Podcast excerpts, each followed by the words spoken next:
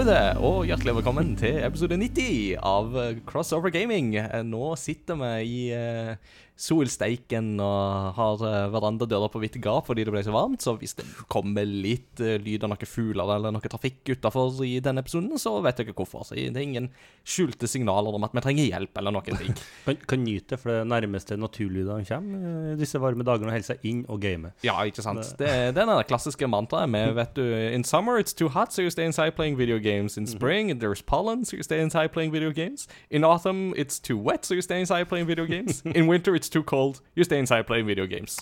Amen. Amen. Mitt navn er Ingar Takanobu Hauge, og jeg har med meg Peter? Yes, og denne gangen så er det oss to.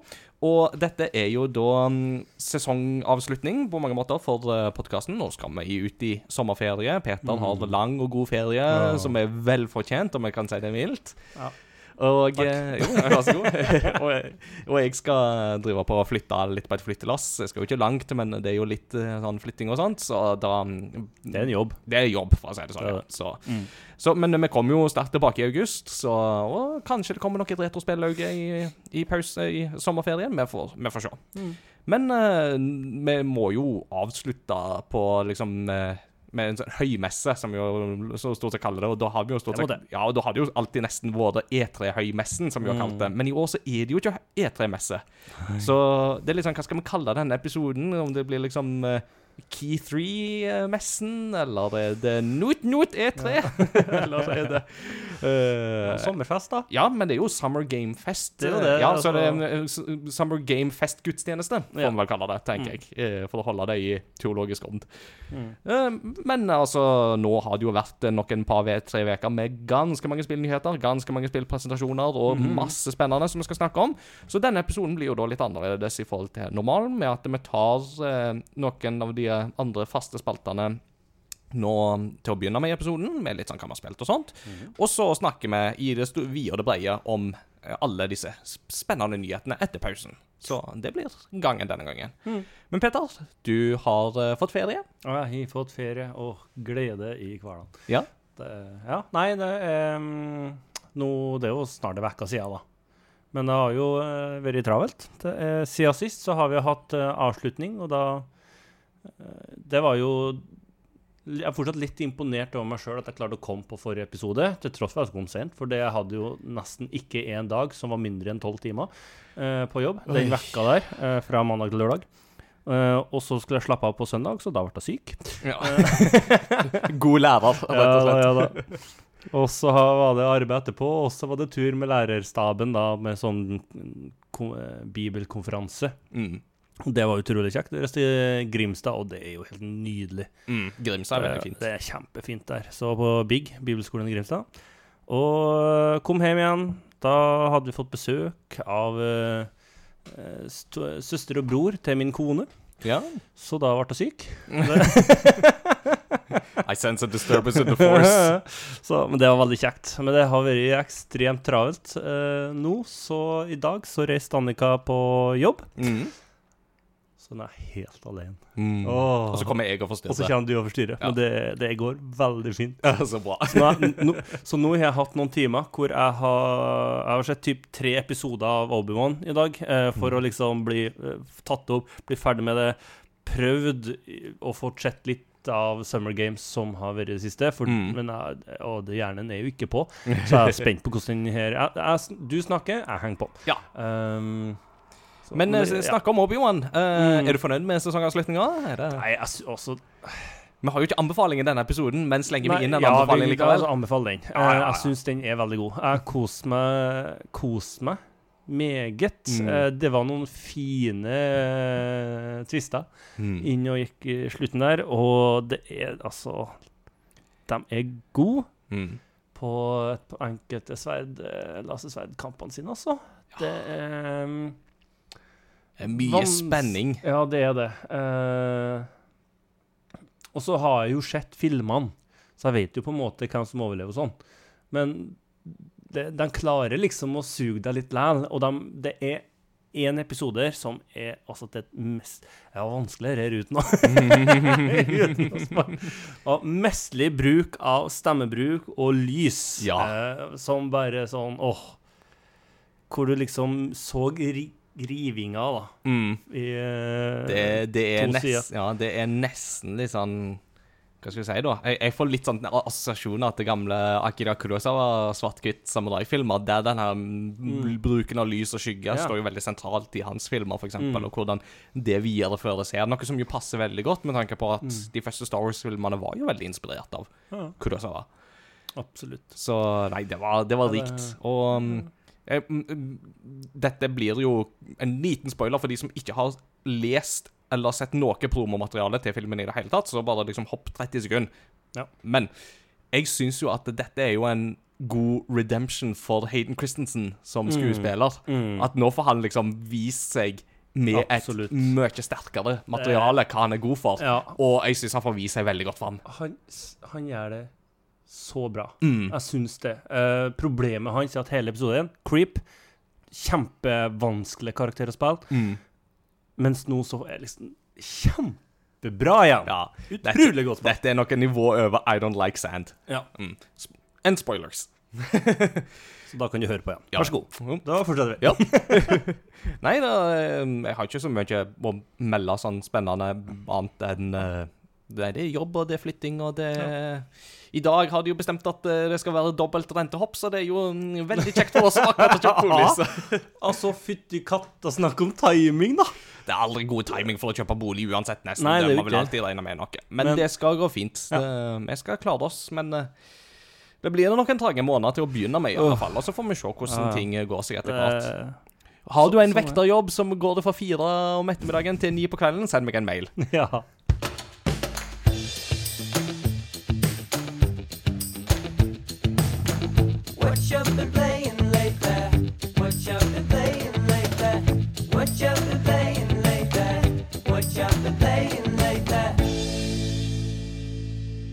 Vi skal jo snakke i det vide og det breie om nyheter og sånt i del to, så jeg tenker at eh, nå så skal vi ta en oppsummering på hva vi har spilt i det siste. Um, Peter, da jeg kom inn døra her nå, og vi satte oss ned, så sa du jo det at eh, du har jo ikke spilt noen ting. Men så ser jeg på lista, så har du jo faktisk gjennomført et helt spill, så jeg tror du lyver, eller ikke husker så godt. Det, det er nok en eh, liten uh, miks av begge to, for det skal sies at det jeg spilte gjennom, er ikke det største spillet. Nei, så Det- what, what you told was true from a certain point of view. Yes. Så det, Men jo da, nei, jeg har fått, jeg har fått spilt litt uh, i det. Uh, litt sånn innimellom. Uh, noen små timer nå og da. Men det Så det Og da har jeg Det ene spillet jeg prøvd, tatt, måtte prøve, det er jo Diablo Immortal. Ja, Det, det måtte jeg teste. ja, det er jo veldig spennende. Ja, syns det. det, det altså, når det er gratis, så var det liksom bare å eh, laste ned og sette i gang, basically. Eh, og så ble jeg nysgjerrig for Altså, du kan jo betale ganske heftige summer i, eh, i det spillet her. Ja. Du så jo nylig Det var jo han som hadde regna på det, at du måtte bruke Altså, du kan fort bruke én million kroner Ja. på å liksom få absolutt alt som går Mm. an å få, eller du kan spille i ti år. Ja, det var noe sånt. Eh, Eller så hadde jo òg han streameren nå, som brukte 15 000 eh, dollar, var det, Ja. og fikk ikke en eneste legendary et eller annet av det han skulle prøve å få tak i. Mm. Eh, fikk bare sånn helt OK, Mm. eh, som sier sitt, da. At, eh, men ja. Eh, men eh, av den, det jeg spilte nå, så tenker ikke jeg heller på at det, er et spill jeg må bruke penger i. Nei, for det er jo det Eh, store spørsmålet her, Mm. tenker jeg. Altså, den transaksjonsmodellen som de stiller opp med, er jo temmelig hårreisende. Mm. Og jo ganske bad, for å si det mildt. Men hvor stort er egentlig presset til å bruke penger i det? For jeg har jo skjønt det at du kan jo spille dette her Mm. uten å bruke en eneste krone, og da får du et overraskende bra spill. Mm. Ja, altså, jeg har, jeg har jo begynt å klokke noen timer. Um, nå kan jeg at jeg bare er vant til mobilspill, men jeg har, ikke, jeg har ikke tenkt at det er et veldig stort press på at du kjøper det her, kjøp det her. Det, er, det dukker opp liksom til, Det er tilbud hver dag. Mm. Og kjøp den pakka her liksom for den og den summen, og det er ofte sånn 10 eller 15 kroner. Uh, men det er ikke noe som jeg Men jeg føler aldri trang til å kjøpe det, egentlig. Nei. Um, så jeg- akkurat det der, det har ikke plaga meg et sekund ennå. Nei. Jeg har ikke sneid en tanke på at jeg skal bruke noe penger i det her. Jeg har lest at man kan bruke ufattelig mye penger, men det har ikke frista. Mm. Uh, for min del. Uh, kanskje jeg har vært heldig at altså, jeg har fått tak i relativt greit utstyr allerede, Ja. tror jeg. Det, nå vet jeg ikke hvor bra utstyr kan bli, men Så det, nei, nei, det mm, Altså, jeg er veldig Jeg syns det er meget kritikkverdig, den modellen de har lagt seg på. At, du, at det er mulig å bruke så mye penger i et mobilspill, er jo bare absurd. Mm. Men hvis at du bare Hvis at det er liksom Ja, men du har ikke tenkt å bruke penger i det spillet? Ikke noe problem. Eh, det kan hende at det blir veldig vanskelig etter hvert, Mm. og at det da ender med at du må farme en del.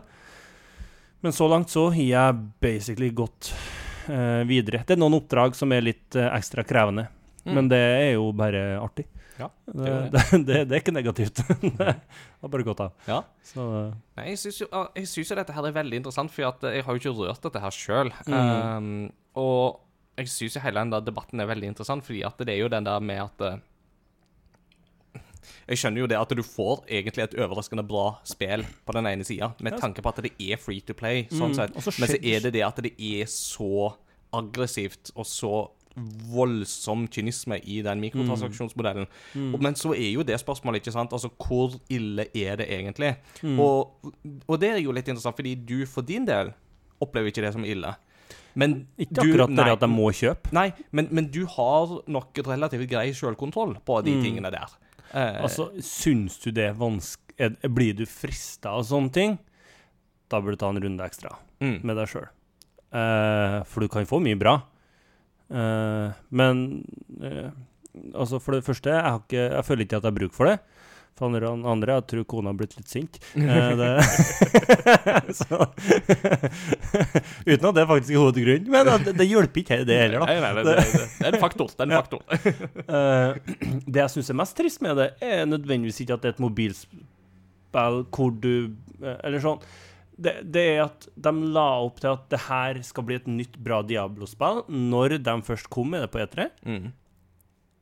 Og de vet at fanbasen har, de har sine kriterier. De, altså, de forventer et bra et, et spill, så han kan ha det kjekt mens han koser seg, så han kan få Diablo-vibbene. Mm. Og de gjør det vanskelig nok i utgangspunktet når det er mobilspill. Mm. Uh, spesielt for den vestlige fanbasen. Og når de da liksom bare OK, men jeg skal prøve det, og så får du liksom den i fleisen at å ja, ja, men de må jo betale sykelig store mengder penger i tillegg. Så du Du får jo både, ikke bare én spade i trynet, men jeg føler jo de på mange måter slenger inn en gravemaskin i tillegg. uh, som bare Den, den må vi få på en T-skjorte eller en kopp eller noe. Ikke bare en spade i trynet, men en gravemaskin i tillegg. Ja, men, Takk. Uh, ja, men altså det, det, Jeg syns det Altså, de, de så jo responsen til folk, Ja, ja, ja. Og så gjør du det i tillegg. Jeg syns det blir veldig rart. Det er veldig, veldig rart. Um, Og, og jeg synes jo det er litt interessant. Vi kommer jo tilbake til um, Overwatch 2 uh, i del 2, som jo har blitt vist fram en del av den uh, siste tida. Uh, og det er jo veldig interessant den modellen de legger seg på der, for det er jo en vesentlig sunnere modell, tror jeg, enn det de legger seg på med Diablo Immortal. Absolutt. Og Diablo 4 hadde jo òg vist fram, som jo definitivt vil være mer av det fansen har etterspurt. Så skal vi tro responsen så langt, så har det jo òg vært det. Så, Ja. Men ja. Nei, men det er veldig Eh. interessant at du har um, Mm. har, har lefla litt med Diablo Immortal. Du har Ja, jeg tenkte jeg måtte, jeg måtte prøve litt, men altså, det ser utrolig fint ut. Ja, ja, ja. Det er jo det. Og det funker. Det er fint på mobilen nå. Så det er Og det er en veldig Det er en spennende verden. Det er det. Så nei, altså, jeg koser meg. Mm. Uh, andre jeg har begynt på, Ja. det er det, Jeg fikk det gratis og tenkte oi, det er et spill jeg har hørt så mye om, men jeg har jo strengt tatt ikke prøvd det. Og det er GTA5. Ja. Det er jo kjekt, da. ja, det er ingenting jeg, har- med det. jeg har sikkert bare sånn tre-fire timer i den ennå, men uh, jeg, skjønner, jeg skjønner at folk holder på med det. Ja. Jeg gjør det. det Men du fikk det gratis, sa du? Ja, det stod Eller fikk det Nå, nå hørtes det ut som ting hadde skjedd. Nå, nå gikk det veldig fort i svingene. Jeg fikk det gratis en gang i tida, Ja, og så så ja. jeg at jeg hadde det i min eh, Så da fikk jeg det på Epic. ja, stemmer. Det var jo gratis der i Eh, sin tid, så jeg ja. har det jo. Mm. Og så var det liksom Du vet, du sitter og scroller, så vet du ikke helt du, Det her var i en sliten Det, det her har vært den siste tida, Mm. så jeg var trøtt, jeg var sliten. Og da er det sånn Du orker egentlig ikke å begynne å spille på noe seriøst som du skal spille lenge. tenkte jeg vi prøver GTA. Så var det det er jo, også er det utrolig artig. Mm. Så det, jeg vet ikke hvor mye jeg kan, kan si om det, for jeg har bare et par timer. Så det Men jeg har forståelse. Ja. Så langt. Mm, et godt førsteinntrykk. ja. Og det, det er viktig. Mm. Siste spillet, det har, det, det har gått fort. Eh, men det er det jeg har spilt desidert mest av, og det er jo Spiderman Miles Morales. Ja. Nå endelig så kan jeg si til fjorår Jeg hadde en fjorårselev, han spurte meg minst tre ganger i vekka Har jeg spilt Spiderman Sp Miles Morales. Da måtte jeg si, si, si nei. Og han bare Seriøst?! Nå kan jeg endelig si at jeg har spilt det. Åh, deilig.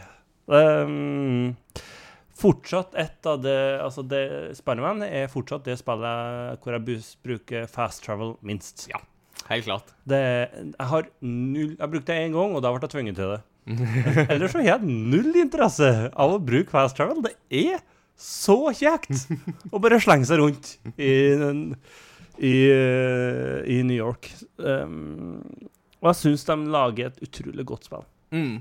Jeg syns det. Jeg hadde, det, jeg hadde veldig kjekt med det. Og um, nok en gang så klarer de å røre ved følelsene mine på en eh, veldig, veldig god måte. Mm. Eller det suger, men det er en god måte. det er fælt, og derfor er det bra. Så når jeg har det bra, så er det fælt. Yes, det, det er noe med det. Um, og det Jeg syns uh, Miles er en god karakter.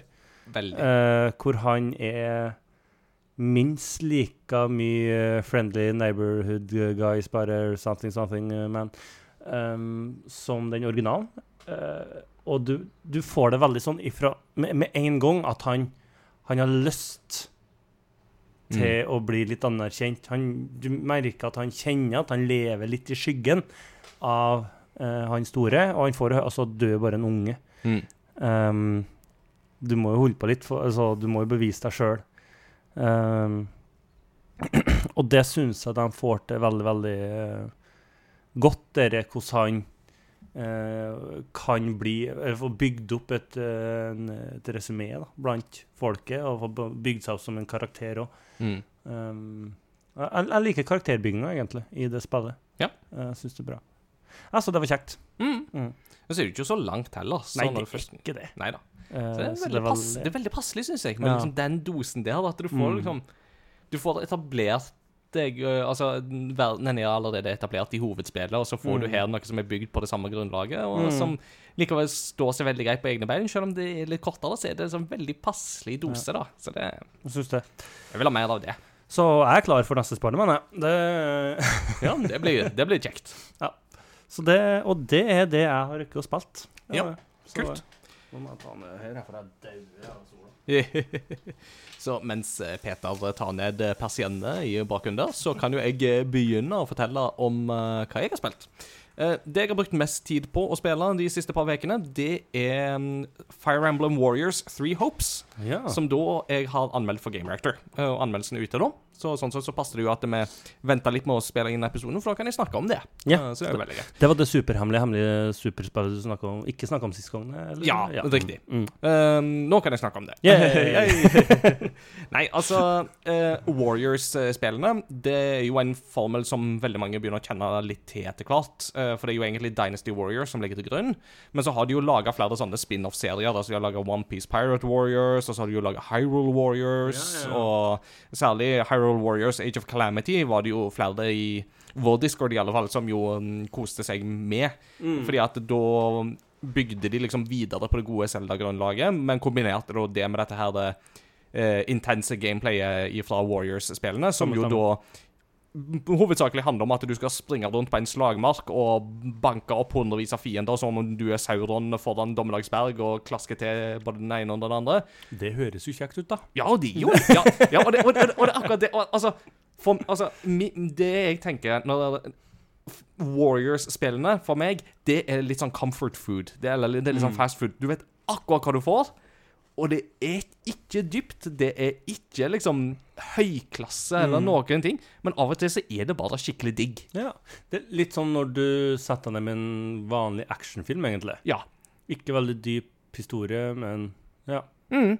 Deilig. Så det er sånn veldig, veldig comfort food. Du vet hva du får, liksom. Mm, ja, Godzilla. Ja, eller god, ja, det, det er en god, det er en god, kai, det er en god kaiju-film, rett og slett. Ja. Eller god og god, det er jo liksom Kommer vi tilbake til. Ja. Så Se hva som skjer. Se hva som skjer. Nei, så um, eh, Fire Emblem Warriors Three Hopes er jo da det andre gangen de får benytta Fire Emblem-lisensen til Nintendo. Og Fire Emblem-spillene det er jo i utgangspunktet turbasert strategi, strategi, eh, Mm. som jeg jo er veldig veldig glad i. Jeg har jo fulgt den serien helt siden den kom ut i Vesten i 2004, var det vel de slapp første Ja, spillet på Game Advance. Eh, så her har de tatt utgangspunkt i settingen og rollefigurene fra Fire Emblem Three Houses, som kom på Switch i 2019. Mm. Det var jo et spill der du ble en professor på et krigsakademi. Der du hadde liksom studenter fra de tre landene på dette kontinentet som var liksom i hvert sitt hus. Så det var en sånn kombinasjon av krigsstrategi og Harry Potter.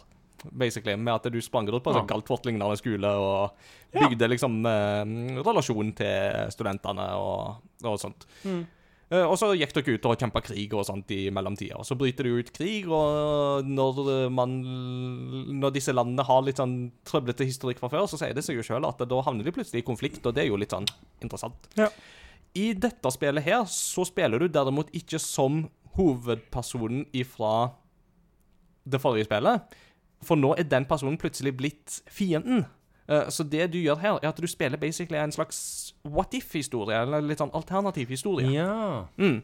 Så nå er du en eh, leiesoldat um, som Mhm. eh, inntar litt den posisjonen som din hovedperson hadde i forrige spill, og at du begynner i dette krigsakademiet, og så bryter du ut krig ganske kjapt, og da må dere jo bare ja, krige, rett og slett. Eh, samtidig, ja, samtidig som at din hovedperson nå eh, har en beef med hovedpersonen fra forrige spill, fordi dere kjempa i liksom prologen av spillet, og da ble hele mm, leiesoldatkompaniet ditt eh, utradert av eh, din Aha. gamle hovedperson. Så du søker egentlig hevn. Ja. Um, stort sett så fungerer spillet greit. Altså, den største anke, det største ankepunktet mot Hyrule Warriors Age of Calamity var at det sleit litt med den tekniske performancen. Mm. Det gjør dette spillet her òg, dessverre. Men det flyter likevel litt bedre. Særlig i kampsituasjonen så flyter det bedre. Uh, og det gjør at uh, sånn sett så blir opplevelsen mer fornøyelig. Fordi at uh, du Interessant nok, de har ikke cappa um, frameraten på 30 sekunder, eh, så den svinger liksom litt sånn imellom Ja. øvre 20-tallet og, og nedre 30-tallet. Men den holder seg likevel sånn rundt 30 likevel, mens Hyrule Warriors gikk jo langt ned på 20 og under det. Ja. Så, og det har litt å si for denne typen spill, altså. Det har det. Men eh, så er det jo da litt av dette her med at det, det er jo ikke en ny historie Eller på en måte så er det en ny historie som fortelles, men det er jo en parallell historie eh, som også fortelles, eller et sånn av parallelt univers. Og det vil Mm. si at uh, istedenfor å få liksom noe ny informasjon om disse eh, rollefigurene og sånt, så får du den samme informasjonen servert på nytt. Mm. Og det er ikke så spennende når du allerede har vært igjennom det. Du vil liksom For det var jo der Hyrule Warriors var veldig bra, var jo det at det bygde videre på Zelda-universet. Ja. Og fortalte jo om den krigen mot Ganon 100 år før Breath of the Wild. Mm. Eh, og det, her får du liksom ikke den samme skarpe eh, fortellerteknikken og noe ny informasjon. Det blir basically det samme. Og Mm. da er det litt sånn kjedelig, fordi da er original Fire Emblem Three Houses bedre på det. Fortelle en bedre historie. Ja. Og når spillet i tillegg vil at du skal spille gjennom tre ganger for å få liksom alle perspektivene. Og hver gjennomgang tar ca. 40 timer, og veldig mye av det handler om å gjøre akkurat det samme igjen og igjen og igjen. og igjen og igjen, og igjen. Da blir oh. du litt lei. Så oh, ja. ja, så det er litt lenge Altså, det, det er godt å spise en hamburger hver dag, men det er ikke godt å spise den samme hamburgeren 40 ganger på rad. Nei, du vil variere litt på brødet, og hvordan dressing du har, og Mm. Kanskje, kanskje spise litt fisk og litt grønnsaker Litt. av og til. Og, ja. Ja. Mm. ja. Det er Peter nikker litt Januar sånn. Ja.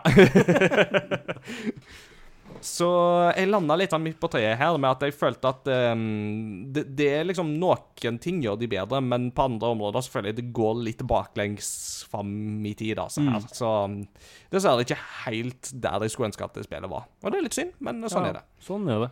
Mm. I retrospillauget så har vi begynt å spille Day of the Tentacle, uh, som jo da er et gammelt PK-klikkspill fra LucasArts.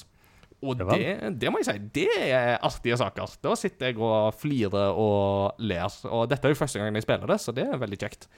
Eh, det er jo da Hva skal jeg si? Det er en eh, lilla tentakkel. som eh, tydeligvis er liksom en figur fra et spill som kom før, som heter Maniac Mansion. Den lilla tentakkelen den blir plutselig mutert, som om den ikke var liksom rar nok allerede, og bestemmer seg for å prøve å ta over hele verden. Så Ja. for å klare å redde den, så må du begynne å reise litt i tid. Så du har tre rollefigurer. Mm. Eh, som Han ene er i fortid, den andre i nåtid, og den tredje er i framtid. Og Ja. for å reise sånn fram og tilbake i tid, så har dere noe som heter Cron og John. Uh, alle som jo eh, vet hva en John er, vet jo at det er et toalett. Og Cron har jo da med tid å gjøre, så det er rett og slett en tidsutedass Ja. som eh, reiser fram og tilbake i tid, og som du kan bruke til å sende items fram og tilbake mellom tid. Så du må da rett og slett løse gåter på tvers av tid for å komme videre i dette spillet. Det er et kult konsept. Det er et kjempekult konsept. Uh, Hvis bare- det funker. ja, hvis det funker. For det er sånn uh, du, Hvis du for eksempel La oss si da at du hadde hatt en um, uh, La oss si at du hadde hatt en flaske med Med vin.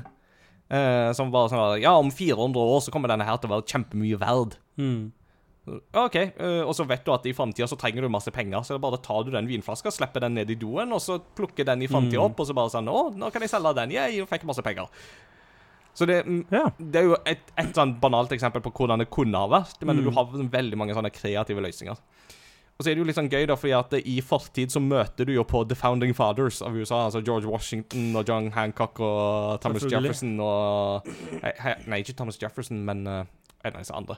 Ja. Um, Hamilton blir nevnt ved navn. Eh, det er jo litt gøy, da, for oss som eh, liker Hamilton-musicalen. Uh, men eh, jeg må bare si at det, det er sånn skrivinga her er jo top notch med humor, og Mm, mm. disse gå... Altså, du må virkelig på en måte vri hodet litt, litt sånn rundt for Mm. hvordan du skal klare å løse disse gåtene, for det er sånn klassisk PK-klikk-logikk her. Mm. Men eh, når det løsner, så bare sitter du og ler, altså. Det er Ja. kjempekos. Vi samles jo hver tirsdag i discorden eh, og koser oss med det. Så jeg spilte litt mer Overwatch. Det trenger jeg ikke å snakke så mye om, for det går det jo stort sett i. Så la meg bare slenge inn et av de spillene som jeg eh, gleder meg mest til i 2022, og det er jo da Teenage Mutant Ninja Turtles Teenage Shredders Revenge er nå ute. Det ble jo Ja. plutselig sluppet under Summer Game Fest. Det Så var var det det. sånn Wow, plutselig var det ute. Men, men du hadde jo ikke tid til å spille det, du? Hadde du det? Nei, for jeg satt jo med Fire Emblem Warriors, Ja. så jeg hadde jo ikke tid til å anmelde det. Så det anmelderoppdraget Mm. måtte gå til noen andre. Ja. Men jeg kjøpte det på PC eh, når jeg var ferdig med Fire Emblem Warriors, og så satt jeg og Jeg har spilt kun to, to og en halv time, Ja. og da streama jeg litt i Discord, og det var flere som hang seg på og så på og snakket litt underveis. Det var kjempetrivelig. Mm. Og dette spillet, det er så gøy. Det er cowabunga, altså. Det er så gøy, altså. Rått. Det er Det føles virkelig som en sånn videreføring av klassisk eh, Turtles arkadespilling. Mm. Det er lagt opp til seks spillere, lokalt eller online. Så det er jo kjempemessig. Så da kan du spille som alle fire Turtles, eller April O'Ryan, eller uh, Master Splinter, Ah. eller eh, eh, han med hockeymasker. Samtidig, liksom? Ja, så samtidig. Alle, alle sammen samtidig. Snadder. Og så er grafikken er jo litt sånn pikselert, men istedenfor å legge seg på en sånn Super Nintendo-look, så føler jeg at dette føles som en slags Gameboy Advance-versjon av Dette er nesten som en oppfølger til Turtles in Time på Gameboy Advance. Som har Wow. liksom den looken der som jeg bare digger. Eh, de har fått den så utrolig bra til. Mm. Um, musikken er top notch. eh, detaljene er det flust av her, og gameplayet er veldig, veldig gøy. Mm. Det er Tribute Games som er laga med litt hjelp av .emu. Og .emu det var jo de som lagde Streets of Rage 4, som jeg jo likte veldig godt. Og du merker litt her at eh, de har eh, gitt litt input på hvordan de skal lage dette Turtles-spillet her. Så du Mm. Nei, jeg må si det Når du driver på liksom sjonglerer fiender opp langs skjermkanten, eller kaster de mot kamera, så Nei, det er faktisk veldig, veldig artig. Så mm, folkens, det er all den skryten dere har hørt om eh, Shredders eh, Revenge, det er bare å tro på det. Dette er en gavepakke til de som har noe som helst forhold til Turtles, og sjøl oss som bare har et veldig overfladisk forhold til Turtles, synes at, ko- kan kose seg med dette her. Ja. Deilig. Mm. Letter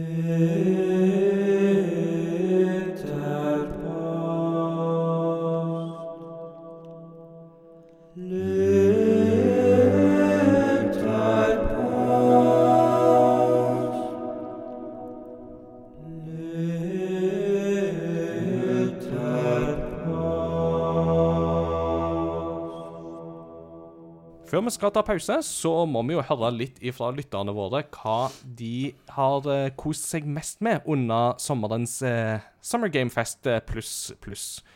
Eh, og det er egentlig det vi har spurt om i dagens lytterpost, som de har kunnet svart på på Facebook og på Discord. Så mm, ja, Peter, kanskje du har lyst til å begynne litt eh, ifra discorden vår? Det kan jeg gjøre, vet du. Da har jeg peker meg to, jeg. Ja. Så jeg bare kjører på. Gunn? Da er det eh, Godspark som skriver Hollow Night Silk, Silksong.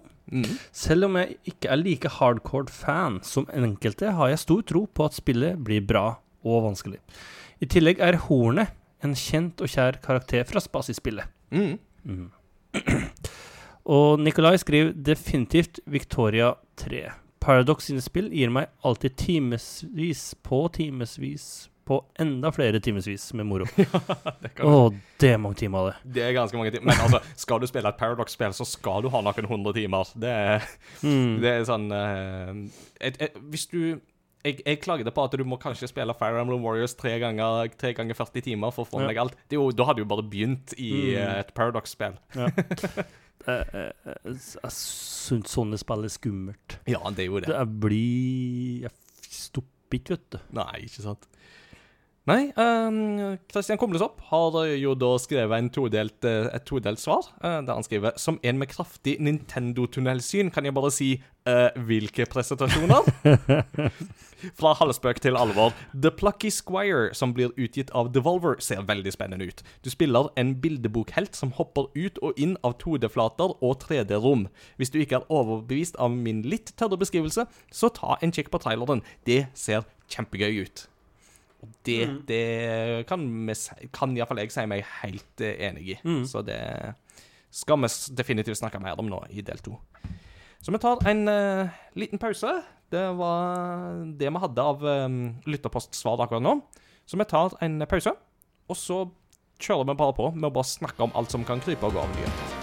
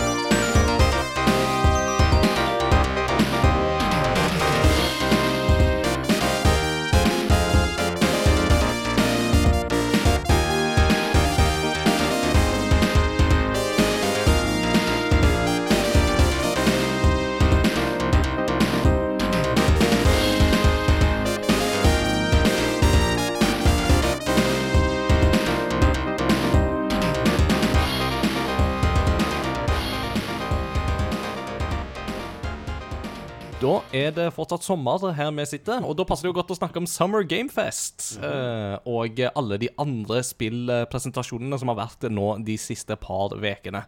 Det er ingen E3 i år, sånn som uh, det ofte er på denne tida av året, men uh, det fins andre folk som stiller opp likevel. PlayStation har hatt en liten State of Play-visning.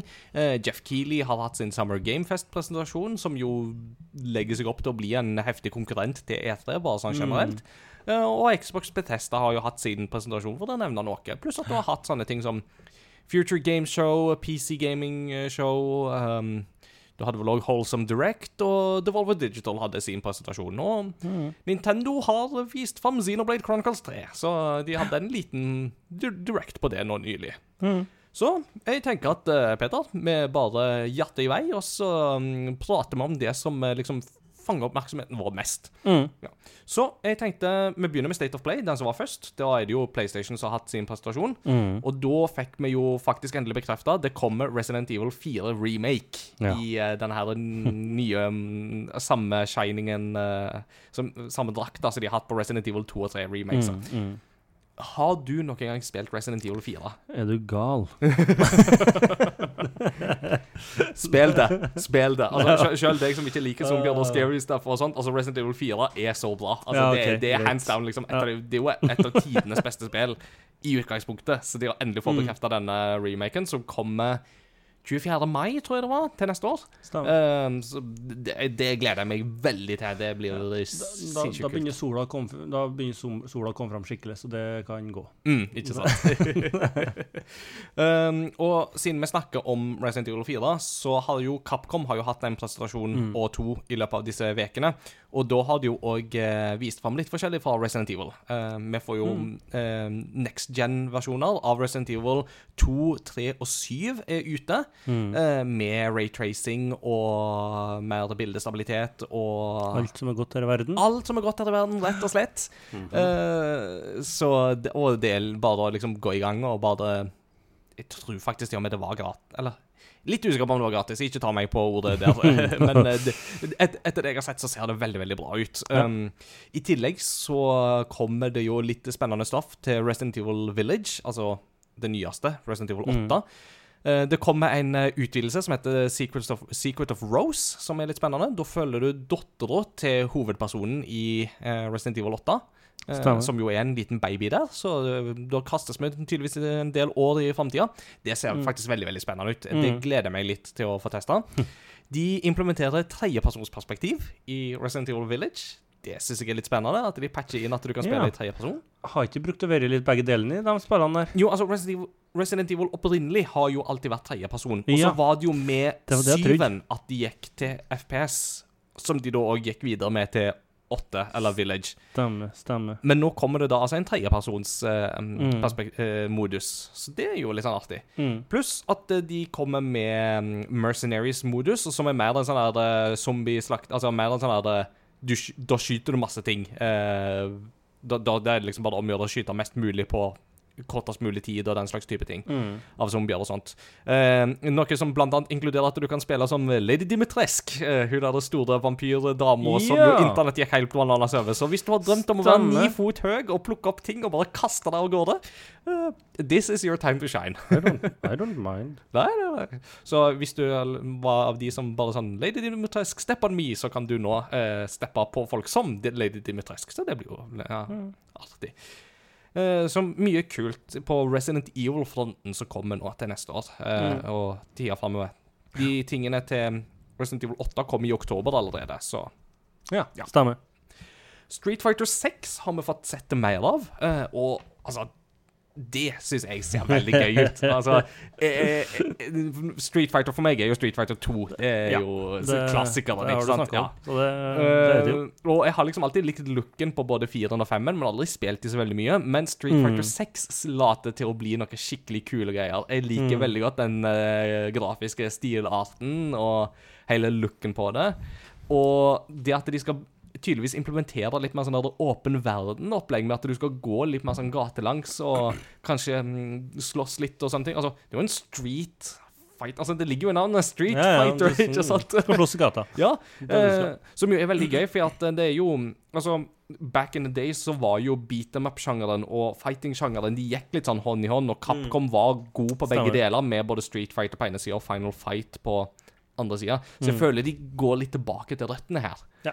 Så uh, color me interested. Jeg, uh, jeg skal definitivt sjekke ut Street Fighter 6 når det kommer. Kanskje Mm. ikke anmelde, men uh, det skal Mm. sjekkes ut.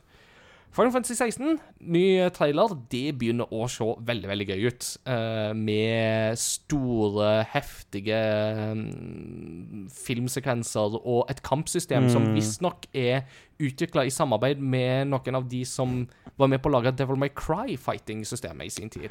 Ja. Da snakker vi fast-paced, eh, god action, og det tror jeg kan bli en veldig veldig god kombo. Mm. Um, han eh, som jo leder arbeidet med 16, Yoshida, det er jo han som har ledet arbeidet med utviklinga av 14, dette online-rollespillet. Altså Final Fantasy 14, som er det store MMO-et. ja. Og det har jo virkelig blitt en suksess. Og har Det er det. det. Det er jo Igjen, jeg kan jo ikke skrive under på det sjøl, men når kona sier at det er så bra, så må jeg liksom ta det on face value. Hun, hun har jo klokka noen vekker der, hun. Ja, dager og uker og Måneder og år. Ja. så jeg har veldig trua på det spillet. Mm. Stray, kattespillet, der du spiller som en katt i Ja. en eh, robotverden, det kom jo nå i juli. Mm. Eh, 19. Nei, det hadde jeg si. Jo, kanskje det var 19. juli, noe sånt. Something, something like that. Something, something. Mens jeg holder på å flytte, så jeg får nok ikke anmeldt det heller. Nei, men, uh, mm, men eh, det ser kos ut. Mm. Spiderman har vi jo snakket om tidligere. Det spillet kommer jo nå til PC, og det kommer i august. Verdt å nevne. Mhm. Og Tunic snakket vi jo masse om i forrige episode. Og kanskje noen tenkte at ja, men det kommer jo ikke til PlayStation. Jo da, det kommer til PlayStation 4 og. PlayStation 5, så det er bare å vente på det. Og det var State of Play. Et par andre småting som de viste òg, men eh, vi hopper litt videre. Mm. Summer Game Fest åpna med Street Fighter 6, og det ser fortsatt bra ut. Eh, så viste de et nytt Aliens-spill. Eh, det så eh, creepy ut. Altså, det, det, det var 18 års aldersgrense på det hele visninga der. Ja, ja, ja. Det var det absolutt. Altså, det Men samt, altså, jeg, jeg får litt sånn Doom-vibes. Altså, det, det er sånn Altså, jeg kan, jeg, jeg kan synes det her er litt kjekt òg. Ja. ja, men altså, det var sånn Var det jo én ting som gikk veldig igjen under Summer Game Fest, som jo Jeff òg påpekte Mm. sjøl, det er space og det er horror. Ja, for det, vi snak, det Og det snakker vi jo om òg. Det var liksom Det var tredje, fjerde alien horror Gorea-spillet liksom som dukka opp, så bare wow! Nå, Zombier, folkens, det er ut. Ja, ja, bare glem det. det er, Ja, det er for kjedelig. Nå, nå, Nå det, nå, er det, space horror og Mm. vampyrer. Det er det som Ja. gjelder nå. Ja, da. Um, Aliens Dark Descent går jo mer på type Alien-franchisen. Mm. Det så liksom Selve traileren så skummel ut helt til de begynte å vise fram gameplay. Så virka det litt mer sånn Å ja, det er mer sånn RTS-type Mm. greier. Så da må det pass. The Callisto Protocol det er jo et av de store spillene jeg fra snakka litt om. For det går jo rett i den der space horror-gore-saken. Eh, og snakk om Gore, det viste de definitivt mer av under um, eh, Xbox-presentasjonen. For Ja. da fikk vi jo se enda mer av det spillet. Og hendelse, det var Det, Da det- havner folk i turbiner og blir krøsta opp til Åh. juice, og det var liksom ikke Du hadde liksom en 40 sekunders sekvens med et monster som biter av hodet på hovedpersonen, og det var bare sånn Bruker skikkelig lang tid på det. Det er nesten Du skal ha god Det- mage for å spille det der, tror jeg. Ja, jeg husker på at vi hadde vel akkurat etter mat. Jeg var så fornøyd med at jeg var ferdig. Det var sånn Det her, det kan du miste matlista. Altså, for det Ja. var så grotesk. Det var så Det var nasty. helt vilt. Og det er jo ikke så rart, for dette kommer fra de samme folka som lagde Dead Space i sin tid. Ja. Og dette spillet skriker Dead Space i Mm. alt bortsett fra navnet. Altså, Ja. dette kunne vært Dead Space 4. Ja. Eh, morsomt nok, dette var jo egentlig et spill som skulle være i PubG-universet. Eh, det hadde de bare funnet ut at det, det ble litt for påtvunget. Vi droppa det. Og det var kanskje litt greit. Mm, absolutt. Men altså eh, Ja, det ser nasty ut, men samtidig jeg er litt intrigued av dette Mm. spillet her, for det ser skikkelig bra ut. Altså Det ser ut som at det de gjør, det gjør de veldig, veldig bra. Ja, altså Monstrene, verden det, altså det er så mye forskjellig, og det er så mye bra. Mm. Det, det ser bra ut. Uh, og når vi, da, når vi sier at det ser bra ut, så betyr det at det ser nasty ut. Det er jo Mm. det det gjør.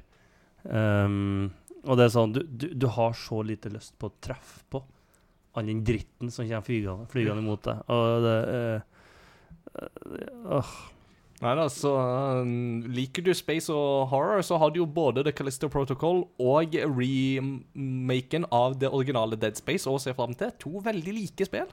Uh, så det blir jo litt sånn spennende å se hvem som kommer best ut av den debatten. Jeg Eh, er jo, kjempepingle på sånn. Jeg kommer til å dø 14 ganger i løpet av den økta. så kanskje vi da skal eh, snakke om uh, Modern Warfare 2 i stedet. Det er mer din Uh! bane. Ja, ja, ja. Uh, Modern Warfare 2 er jo Mm. da eh, oppfølgeren til den rebooten av Modern Warfare som vi Mm. hadde i 2019. Eh, og Peter, som vår resident Call of Duty-ekspert, hva er din take på det vi fikk se der? Eh, Det var jo en oljeplattform og noen greier som skulle inn. mye, som minner om kjente ting. Uh, som liksom bare Ja, men det her er altså, det er spennende. De har jo fått, også fått inn mange av de gode, gamle karakterene Mm. som en blir veldig glad i uh, i Modern Warfare. Som gjør sånn Åh, altså du har lyst til å spille spillet bare for å få tilbake Du, du, du går Plutselig så trekker seg jo ti år tilbake i tid. Mm. Um, så jeg syns det, det, virker veldig, veldig spennende, uh, samtidig som det er ekstremt kjent. Det, det var På traileren, det var ikke noe nytt, liksom. Det var altså Det, det oppdraget de viste da på oljeplattformen, minner jo veldig om et annet oljeplattformspill Eller um, oljeplattformbane Mm. på Er det Modern Warfare eller toeren eller noe sånt? Jeg husker ikke på hvem av det er. Mm. Men det Men altså, det, altså det, De følger jo den oppskrifta som fanbasen er veldig glad i. Ja. Og det er jo det man ønsker på mange måter. Mm. Så det, jeg syns det, jeg synes det virker veldig greit. Ja. Uh, syntes jeg. Det, det kanskje irriterte meg mest at jeg syns ikke jeg, sy- jeg syns han som styrte den karakteren i, når han viser fram, at han virka litt dårlig. det gikk så tregt. Og måtte jo vise alt veldig tydelig fram, vet du. Nå kan jeg at jeg har spilt for mye Warzone, og der skal det gå fort. Ja. Men det var sånn. dette, er, altså- dette er infiltrasjon, vet du. Det er eh, infiltrasjon på samme nivå som det der husoppdraget i, um, første, i forrige spillet. Det var jo veldig bra, da. Det er Når du skulle infiltrere dette her huset. Ja, for, ja, for det er noe annet igjen. Ja. For det, det så skamlekkert ut. Da, da Mm. gikk det jo fort, og da Mm. gikk det on point, og det var liksom Men jeg, ba- nei, jeg bare syns at bevegelsene var litt virka litt sånn clunky, og Ja. virka litt treigt. Men, men vi får håpe at det er Eh. Vi får håpe at det var presentøren, Ja, og ja. ikke selve spillet. Det, det er jo det jeg tenker egentlig. Mm. Uh, det virka nesten som om det her var en fyr som ikke har spilt banen engang. Mm. Eh, måten han sikta på, måten han beveget seg på Jeg, sy jeg synes det for, det oppdraget du snakker om der, når du går gjennom huset, det er jo on point på alle områder. Mm. Der du har jo òg elitesoldater som har gått gjennom det, opp- Ja. den banen og sagt ja, ja, men det er sånn det gjøres. Ja, for det, det, det, det var liksom områder der jeg likte veldig godt Ja. Modern Warfare. Det, det er skambra, den Mm. banen. Men, Yeah. eh, men altså, det, jeg, jeg, er- jeg er spent. Ja. Ja, det. Eh, neste spillet jeg har på lista som jeg vil snakke om, det er Witchfire. Som da er et uh, Mhm. sånn monster-demon-skytespill som minner litt Hva- om noe som kunne det, komme det, det kunne komme Var det noe som kunne komme fra Arcane, altså Dishonored Prey-skaperne? Ja, ja. Med liksom at du hadde gunner og sånt i litt sånn old school uh, shooting eh, drakt, rett og slett. Mm. Ja, for det var vel det, noe jeg sa. At det bare sånn Er ikke det her veldig dishonored? Ja. det var ja, men det er sånn utrolig vibba. Ja, og, og, og altså, color me interested. Det jeg Mm. synes det så skikkelig Jeg kult ut. det så veldig interessant ut. Uh, og så Eh. tilbake til Og så videre til Space Horror, uh, eller Space Suspense, kanskje. Fort Solis, som da er satt til Mars, og har med Ja. Troy Baker og eh, stemmeskuespilleren som var Arthur Morgan i Red Dead Redemption 2, som jeg ikke husker navnet på akkurat nå, skal visst være med på dette. De var på scenen og prata. Og Mm. de to i samme spill, det kjenner jeg at det er jo et sånt salgsargument, og kan fort bli litt interessant. Og de snakker om at dette er visst et helt nytt polsk studio, som har henta veldig mye inspirasjon ifra Jeg vet ikke om du har sett science fiction-filmen Moon noen gang? Mm, nei. Den er veldig bra. OK, da Ja. Eh, og det at de henter inspirasjon derfra, det er sånn Da, da er jeg interessert. Mm. Eh, vi fikk òg se et annet eh, trolig space uh, suspense horror-spill som heter Routine, der du gikk rundt med noe som så ut som en sånn her, gammel sånn her CRT-skjerm, uh, videokanongreier, og skanna noen roboter og noe greier. Stemmer, Det er visstnok et spill som ble annonsert for ti år siden, og som nå plutselig dukker opp. Wow! Så Å, det, det er sykt, det. Ja, så det lever. Og det var, det var Digital Foundry som påpekte det, men CRT-effekten som de har i den traileren der, Mm. er kjempebra. Altså, Når du ser liksom effekten av liksom gamle skjermer, Mm. og du liksom får se det animert i, dette, i den traileren, det så så kult ut. Mm. Så det var sånn Yes. Eh, jeg vet ikke om det spiller for meg, men det var litt sånn gøy og fin detalj. detalj. Ja, fin, fin liten detalj, ja. Så må jeg bare kikke litt. Stormgate var et spill som ble annonsert, som jeg synes var litt interessant. Fordi det er et RTS, Real Time Strategy-spill, utvikla av gamle Blizzard-folk. Ja.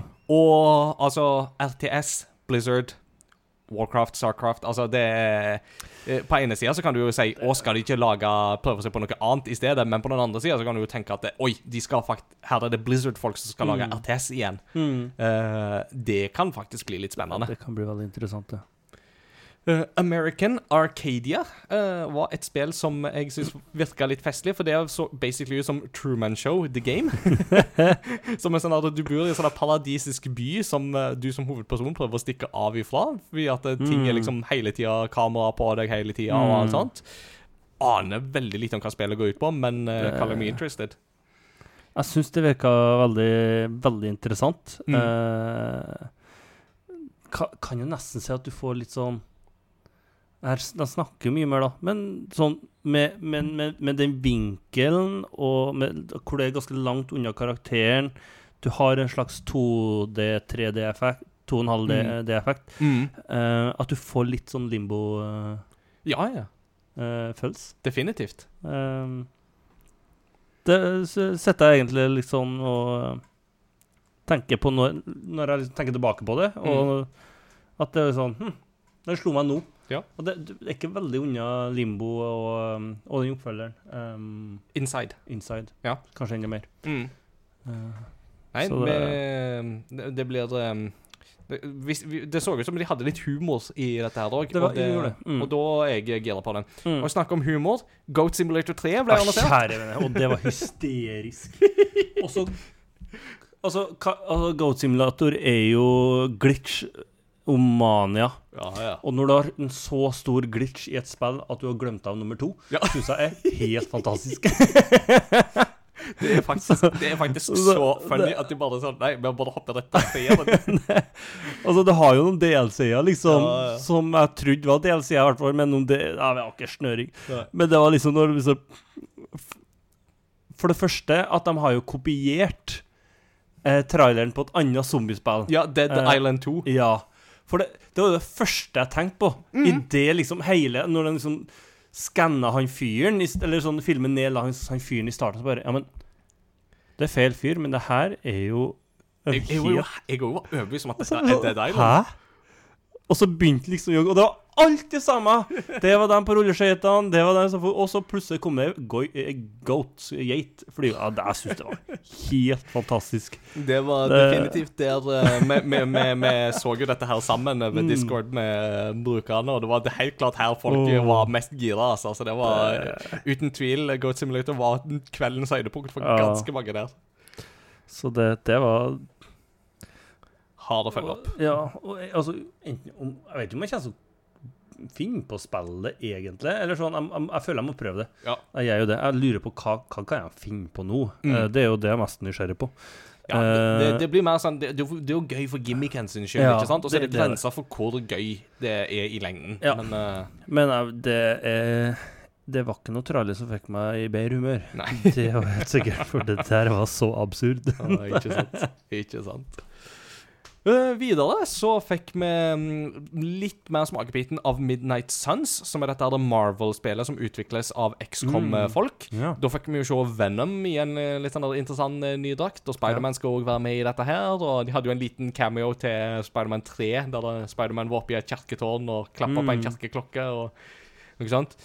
Vi har jo ikke sett noe gameplay fra dette spillet ennå. Det er litt sånn Jeg vil gjerne se det, men jeg er litt sånn nysgjerrig på hva de kan få til. Så um, jeg Ja, kommer i alle altså- fall til å sjekke det ut. Marvel har jo vært veldig opp og ned på spillfronten. Mm. Eh, eller eh, Marvel har vært veldig ned og opp. Ja. Eh, på eh, Ja, med Avengers først, Mm. som var en liten nedtur. Mm. Og så har du Guardians, Mm. som var en uh, heidundrende opptur. Ja da. Eh, Og det er jo sånn, altså Sist gang vi Altså da vi fikk presentert Guardians, så var vi litt sånn Kan Mm. det bli bra, liksom? Mm. Og så spilte vi det, og så har vi jo aldri slutta å snakke varmt om det. Så, Nei, jeg har ikke det. Ehm, bare hoppe litt kjapt her. Neon White var et uh, kult lite spill som så ut uh, som at du skal Hva, hva var det det var? Du, du, du, du trekkes opp av eh, underverdenen fra fortapelsen fordi du skal være en hitman for himmelen. Uh, Jo, mm, stemmer. så kult ut, det. Cuphead fikk vi se mer av Mm. DLC-en. Um, Delicious Last Course, Mm. DLC. Det er at de leker seg med det navnet. Midnight Fight Express var et spill som jeg eh, beit meg merke i, og som var sånn at dette her, det kommer til å bli litt gøy. Eh, det var utvikla av eh, I hovedsak av én fyr som Mm. har vært delaktig i Destiny 2-arbeidet, visstnok. Og som bare så ut som en sånn mash-up av liksom kule actionfilmer i en sånn twin stick shooter. Så det var sånn Mm. Twin Stick Shooters møter Sifu møter Hotline Miami. Var Mm. liksom litt den vibe dette spillet ga meg. Ja, og da var jeg sånn at dette her, det så kult ut. Det skal jeg sjekke ut. Det var så artig. Um, studioet bak um, hva, hva det heter det? Genshin Impact De annonserte to spill. Honkai Star Rail og Zenless Zone Zero. Jeg må innrømme at jeg ble ikke gira på noen av de, men jeg var jo ikke gira på Genshin Impact heller, så ja. Sånn er det. Mm. Vi fikk se mer av uh, Shredders eh, Revenge, og det fikk jo dato òg da. Så det var jo, da var jo jeg i 100. Og så var det bare sånn her Yeah, det får dato! Nei, jeg kan ikke anmelde det for jeg er opptatt med noe annet. um, Ja, altså at de For det, ha, det har ikke kommet dato før. Nei, det var da de annonserte datoen. Det er sykt å komme en da... Altså, ja, by the way, det kommer om ei uke. Ja, men altså, vi, vi har jo hatt ting på disse her eh, eventene som er bare sånn By the way, releases today. Har jo Nå forstår jeg ikke. Eh, neste som jeg vil snakke om der, er OnePiece Odyssey. Som jo da er et uh, OnePiece Open World RPG. Mm. For meg som OnePiece-fan, så um, jeg, ikke, jeg har ikke helt trua på at det blir sånn 100% perfekt, dette her, men eh, det ser litt eh, altså, kult ut likevel. Eh, Mario Strikers Battle League fikk vi se litt mer av, men det er jo kommet ut, så eh, Mm. Og så må vi snakke om Metal Hellsinger. Det er definitivt et spill som skal sjekkes ut. Uh, Se for deg den gode flyten du får i Doom når du liksom bare har bevegelser og skudd og action i takt med musikken. Mm. Det er det Metal Hellsinger handler om. Det handler basically om å gjøre action i takt med metal-musikk. Mm. Og her får de med masse lisensiert metal-musikk, virker det jo som Og Her har de Det virka som en kjempegod liste. ja, altså, det her hadde de System of a Down. Jeg tror de hadde Mm. Avenged Sevenfold var inne i bildet her Mm. og det var liksom Ja, og det er jo en demo ute nå, og jeg har ikke rukket å sjekke ut demoen, men de som har spilt den, sier at dette her er strålende greier. Mm. Og det er jo ikke et nytt konsept. Altså, det var jo et spill som kom som heter BPM, Bullets Per Minute, som lekte seg litt med samme tanken, men dette her virket å være mye mer gjennomført. Utgis av norske Funcom, utvikles av et svensk eh, studio. Eh, når de satt og snakket om spillet, så så du dette her, det er en gjeng med metalheads. Dette blir bra. Mm. Og så, når du får hard rock i takt med Med eh, beinhard eh, action, Mm. så er Altså, snak, det er så deilig. Du snakker, snakker jo fortsatt om in introen i Doom. Ja. Eh, når de Hvordan de brukte shotgun, den ladinga på pumpehagla, Mm. i musikken Da, da, da, Ikke sant? Og det ble sånn Åh, oh, oh, nå skal vi kose oss. Og her har de lagd et spill som er der. det er jo nydelig. Jeg er veldig spent på hvordan det funker. Mm. Er det sånn at du får ekstra kraftige skudd hvis det går i takt, eller er det Nei, jeg er kjempe, det, det er jeg nysgjerrig på. Ja, jeg òg. Så var det Nå må jeg bare ta så dobbeltsjekke, fordi det var et spill som jeg kom på at oh, det ble jeg litt gira på, men uh, jeg ble litt usikker på om det var på denne presentasjonen, eller om det var på um, Xbox-presentasjonen. Det finner jeg ikke ut av akkurat nå. Så, men det var et spill som ble vist fram som så ut som en sånn her um, farming uh, Eller craft Altså Litt crafting, litt uh, farming, uh, litt survival-elementer Mm, mm. og mm. litt sånn, men i eh, at du hadde krasjlanda på en planet og skulle styre, en, eh, styre liksom store roboter i dette arbeidet her. Eh, jeg vet ikke om det var noe som du Det survival-spillet? Ja. Ja, det så jeg Det var, det var på Betest... Det var på Xbox. Det var Xbox eh, Bethesda. Bethesda, Ja, kan hende vi kommer tilbake til For det. den traileren så jeg i dag. Ja, ok. Ja. ja, men da har jeg det sikkert på lista, så da kommer vi sikkert tilbake til det. Det- Eh, Men det var iallfall et spill som var sånn der Det, det så Det var sånn management-spill som jeg likte veldig godt looken på. Mm, Så mm. eh, det er jeg litt er spent på. Uh, videre, Saints Row viste de litt mer yeah. av. Uh, da Mm. viste de at det, det spillet får en insane character creator, som du allerede Mm. nå kan leke deg med. Ja, altså, det var jo litt uh, cyberpunk-vibba mm. over det. Definitivt. definitivt. Men altså, det, var, det, det, det så ut som liksom tidenes mest detaljerte character creator. Mhm. Og det er jo sånn, hvis du er opptatt av å liksom lage deg den perfekte figur, så er det der er visst noe du Jeg ser for meg at du kan drukne i det der pga. valgmulighetene. Noen som kommer til å bruke noen timer der. Oh yes.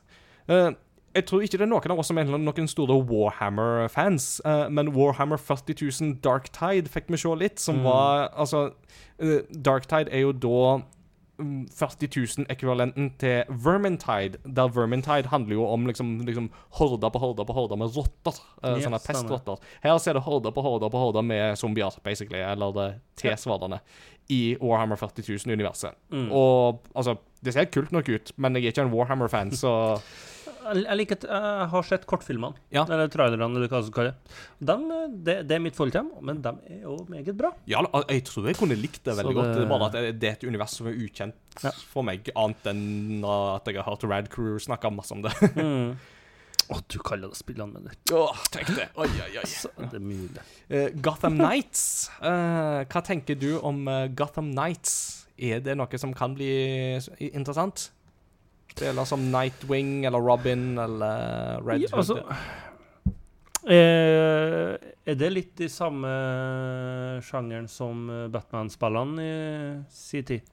Jeg føler jo at dette her blir mer er en sånn her eh, Dette her blir mer en sånn her co-op multiplayer ja. squad-based uh, Jeg skal ikke si looter shooter, men jeg får jo nesten litt sånn vibe som at det er noe av den lista der de legger seg på. Ja.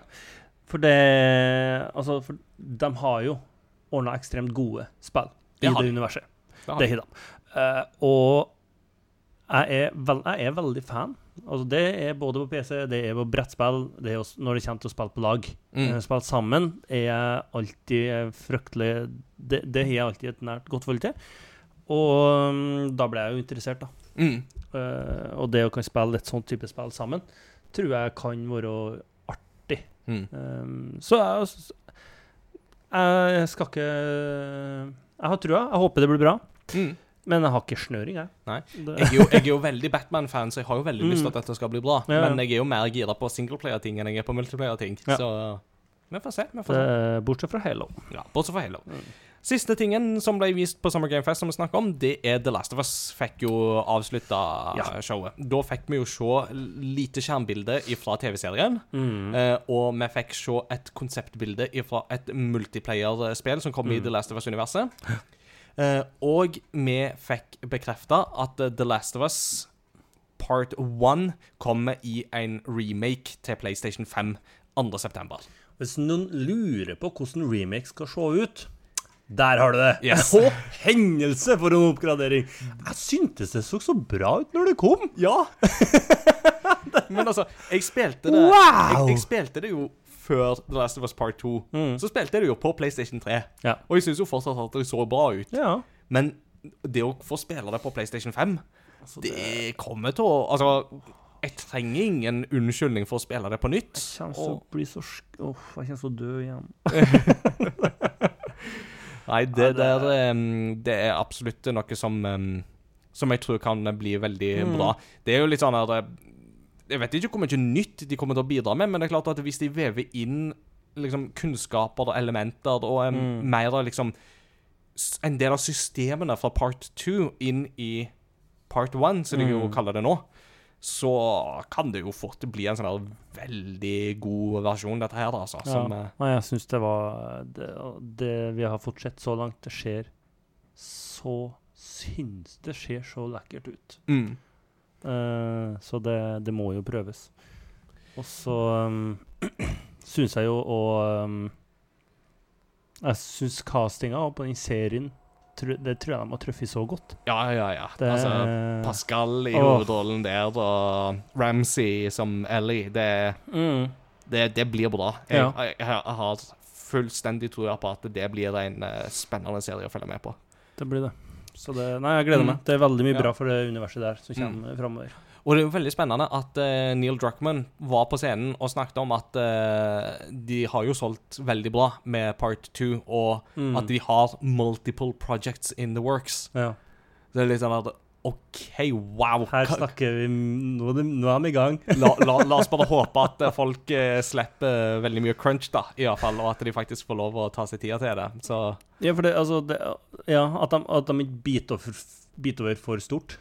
At de ikke liksom bare OK, nå, nå har vi muligheter, og så begynner de liksom for mye. At, mm. Sånn at det blir liksom fem middelmådige når du kunne fått to eller tre skambra. Men det, de, det virker jo som de har kontroll på det de gjør. Mm. Eh, de har jo naila to spill. De, de har det. Nå så vanvittig. Det, er, Så det- få, få det spilt, folkens, hvis dere Mm. ikke har spilt The Last of Us. Altså, Og så, for igjen, da. Jeg er ikke glad i zombier. Eh, men altså bare Om du, om du har litt sånn tenker like Du må bare komme deg gjennom de første timene. Du blir litt mer vant til zombiene etter hvert, og da går det greit. mm. Men det er liksom Altså, den karakterbygginga Ja. i det spillet Derfor Mm. så, kan jeg, så har jeg lyst. Derfor spilte jeg toeren. Ja. Derfor så er Altså, det er så ekstremt god historie. Mm. Altså, det er helt fantastisk bra ordna. Mm. For, for, for det er jo det, ikke sant? Altså, dette er jo en zombieapokalypse. Det, det, det handler ikke om zombiene, det handler om menneskene. Det er det. Og, og det har de fått til så til de grader òg. Mm. Så ja. Åh, men han er så stygg. Nei, eh, skal vi snakke om eh, noe hyggeligere? Skal vi snakke om vampyrer i Xbox Betesta-presentasjonen Yes! i stedet? Yes. Eh, Redfall er neste spill ut. Uh, det er jo da dette her zombie... Nei, zombie, sier jeg. Vampyrskytespillet fra Arcane. Samme folka som har laget Dishonored og Prey og um, Deathloop der, altså. Nå fikk vi se litt mer gameplay. Um, Mm. Og det som er litt sånn spennende, er jo det at de har vært veldig opptatt av i etterkant at nei, nei, dette her er ikke Left for Dead, altså. Men det så veldig Red Left for Dead ut på mange måter, i hvordan man på en måte samarbeider for å ta ut uh, vampyrer og Mm. lignende. Men altså Jeg er litt sånn at den, Ja, altså, jeg vet ikke om jeg, liksom, det sitter 100 men det ser bra nok ut at jeg er interessert, og jeg liker jo veldig godt Arcane sine spill. Mm. Selv om jeg ikke alltid syns de er 100 så koser jeg meg alltid med de. Ja, og det, det Igjen, det er det viktigste. Ja, ikke sant? det, er det. ikke sant? Altså, syns jeg det er artig, blir jeg underholdt. Mm. Altså, da, da, da kommer du så ekstremt langt. Og så, ja, Da sier jeg kanskje ikke at det er Left for Dead, men altså, jeg syns Left for Dead er kjempekos. Ja. Og her var det litt sånn at uh, Det- hvis, um, folk, hvis du spiller med andre folk, og de, dere velger samme, eh, samme character, Mm. så kan alle spille samme character. Det går helt fint. Ja. Ja. Ikke sant? For det går ikke i Left for Dead. Nei. Så derfor er det ikke likens. Nettopp. Derfor er det Så forskjellig. og hvis noen lurer på hvorfor jeg liker Left for Dead, og ikke når jeg sier at jeg ikke liker zombiespill, fordi at det, du spiller med venner Pluss at, plus at du, du har vel eh, bytta ut zombiene med Teletubbies i stedet, i sånn mod. Det er skummelt nok som zombier. Det, det er skummelt. Jeg vil si det er skumlere. Du skal ikke gjøre det hver. Åh. Åh, grøss. Mm. Um, så fikk vi en eh, overraskende presentasjon. Hollow Night Silk Song. Eh, det er jo ikke overraskende fordi at vi ikke visste at spillet ikke fantes, men det har alltid vært et sånt spill som har først og fremst blitt presentert på Nintendo mm, Directs, Mm, mm. som er sånn at dette kommer i framtida. vi fikk fortsatt ikke en dato, men Microsoft sa at så å si alle spillene som ble vist fram, bortsett fra et vi skal snakke om senere, kommer i løpet av de tolv neste månedene. Det var liksom Dette er ting du kan forvente i løpet av de tolv neste månedene. Ja. Eh, og Hollow Night Silksong kommer jo da day one på GamePass òg. Mm. Så der tror jeg det er veldig mange som uh, gleder seg. Mm. Og så må jeg jo spørre Peter, for dette her er jo et litt interessant spørsmål. hva er ditt forhold til Rick and Morty? Uh, jeg har sett litt, litt altfor lite. Ja. Mm. Har du likt det du har sett av Rick and Morty? Jeg det, fest, det, det, det er jo absurd festlighet. Mm. Det, jeg syns det er artig. Ja. Mm. Uh, jeg er jo litt der at for meg så er Rick and Morty litt sånn eh, Mm. ja, Altså, det, det er greit, men jeg syns fort det blir litt slitsomt. Og Mm. For å være helt ærlig, jeg syns kanskje det blir litt oppskutt. Mm. Uh, men kan hende at folk hyper det litt for mye opp for meg. Mm. Men hvis du liker Rick and Morty, så vil High On Life være spillet for deg. Der du skal gå rundt med snakkende våpen uh, i en sånn der verden der aliens eh, eh, Og hva var det Stemme. de sa? De aler opp mennesker for å kverne dem opp og bruke dem som narkotika. Og Ja. det bare virker som sånn Rick and Morty-absurditeter lang vei. Så Mm. kan hende det er noe for deg. Og så, eh, til deg, Petter, som jo har spilt eh, League of Legends en hel del, så er det jo litt interessant at Riot Games Mm. skal jo komme med hele sin spillportefølje på Xbox GamePass. Det vil si det. League of Legends, eh, um, Legends of Runeterra, eh, eller hva det heter. Valorant. Valorant, Mm. um, og, og så videre. Ja. He, hele, hele den alt sammen. Alt sammen. Og alle helter er tilgjengelig. Alle helter. Og, Alle det, og det, alle champions. Og det er sånn det er helt sykt. Det er så sjukt. Ja. For meg så er det liksom det kanskje mest absurde her. Det er bare sånn Hæ? Alt er bare tilgjengelig. Mm. Og det er gratis på Eller i hermetegn gratis på GamePass. Mm. Wow. Det, det er en god deal, altså, hvis du ikke Og så setter vi det i lys av Diablo Immortal. Ja. Sånn. Kontrastene er til å ta og føle på. Det, ja. Så ja. A Plague Tale Requiem fikk vi se mer gameplay av. Um, eller nå fikk vi faktisk se gameplay av det, og det Mm. ser så veldig spennende ut. Jeg har ennå ikke somla meg til å spille A Plague Tale Innocence, men det skal jeg få gjort, for jeg er veldig spent på dette her. Og Mm. her virker det som solide greier. Og så fikk vi se Forza Motorsport. Det er vel syv det kommer til nå? Mm, ja, Forza. Motorsport 7. eh, som jo bare ser ut som en sånn bilfest uten uh, sidestykke, med liksom Raytracing og realistisk Mm. bulkfysikk. uh, Dag-natt-syklus og Jeg er jo veldig spent. Og, ja. At, ja, for det, det var en ting at uh, tidspunktet på dagen ville påvirke temperaturen i asfalten, som du da må ta hensyn til når du skal velge dekk og lignende. Det er så Hvis jeg fikk med meg det rett, så jeg tror det var noe de snakka om noe sånn greier, og det er i så fall helt vilt. Det er så sjukt. Åh, det er så vilt. Det begynner å bli skummelt realistisk Mm. gamer Ja, det, det er vilt. Uh, og jeg er jo litt sånn spent på å se da hvordan Forza Motorsport vil uh, ta seg ut. Uh, Sammenligna med Gran Turismo 7, som jo Mm. fikk lansert tidligere i år. Og Ja. hvordan fansen vil ta imot de ulike der, altså de som har mer know-how enn meg. Mm. Uh, men uh, uten tvil om at dette her så ut til å bli et eh, godt alternativ, i hvert fall. Det er det ingen tvil om. Det ser jo grislekkert ut. Mm. Vi fikk se mer Microsoft Flight Simulator. De kom jo Mm. med stadig mer innhold. Her var det jo litt sånne historiske fly og sånt som Mm. kom inn, som jo var veldig kult. At du kan Mm. spille med liksom The Spirit of St. Louis. Dette Ja. første flyet som føyk over Atlanterhavet. Eh, og uh, du, Pelican, eh, kan du fly over alt? Og det var jo så deilig måte de gjorde det på. Ja. Hvor du liksom bare så liksom horisonten, og du så liksom et kontur av et fly, og så, bare, og så kom liksom den musikken til Halo opp, og det var bare sånn Oi, det skjer. du, du, du skal faktisk kunne fly som en Pelican fra Halo. Det er vilt, ja, det var altså. ganske Det var Mm. Det, det, det var en det var, Måten han gjorde det på, syns jeg var helt nydelig. Mm. Og så kommer vi til noe som både du og meg har nok et litt øye for, og det er Overwatch 2.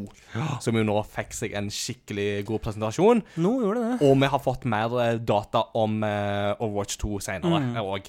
Mm. den mest interessante nyheten her var jo det at de kjører Halo-modellen. Med Mm. at eh, PVE-delen, som jo da er mer storysentrert, den kommer til neste år. Mm. Og blir, så langt jeg vet, en betalt, eh, betalt innhold. Ja. Mens flerspillerdelen blir free to play. Mm. Og dette har jo jeg hørt litt blanda reaksjoner på. Uh, men hva, hva tenker du om at de skal kjøre en free to play-modell der de dropper lootboxer til fordel for season pass, eller sånn Mm. battle pass-modell? Hva tenker du? Der eh, Det kan jo kan mane, men altså, alle sammen har jo sånn season pass nå. Mm. Um, og det er jo genialt på en måte, fordi det er jo sånn Hvis du, du kjøper season pass, Mm.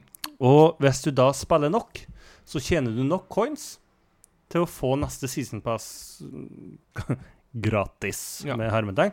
Uh, men ja, men det er jo på en måte oppskrifta dem eh, som er med det greiene der.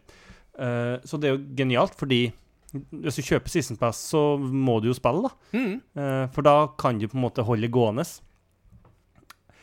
Men altså, jeg likte jo egentlig mye bedre den oppskrift, eller modellen Jeg liker den de har nå. Mm. For da Altså, du, du kjøper Du får lootboxer, så får du altså skins hver gang du levde, med, basically. Mm. Eh, du får det du trenger til karakterene. Det er veldig sjeldent at jeg føler at at jeg mang, altså jeg har, mangler penger eller noe sånt for å kjøpe det skinsa som jeg har lyst på.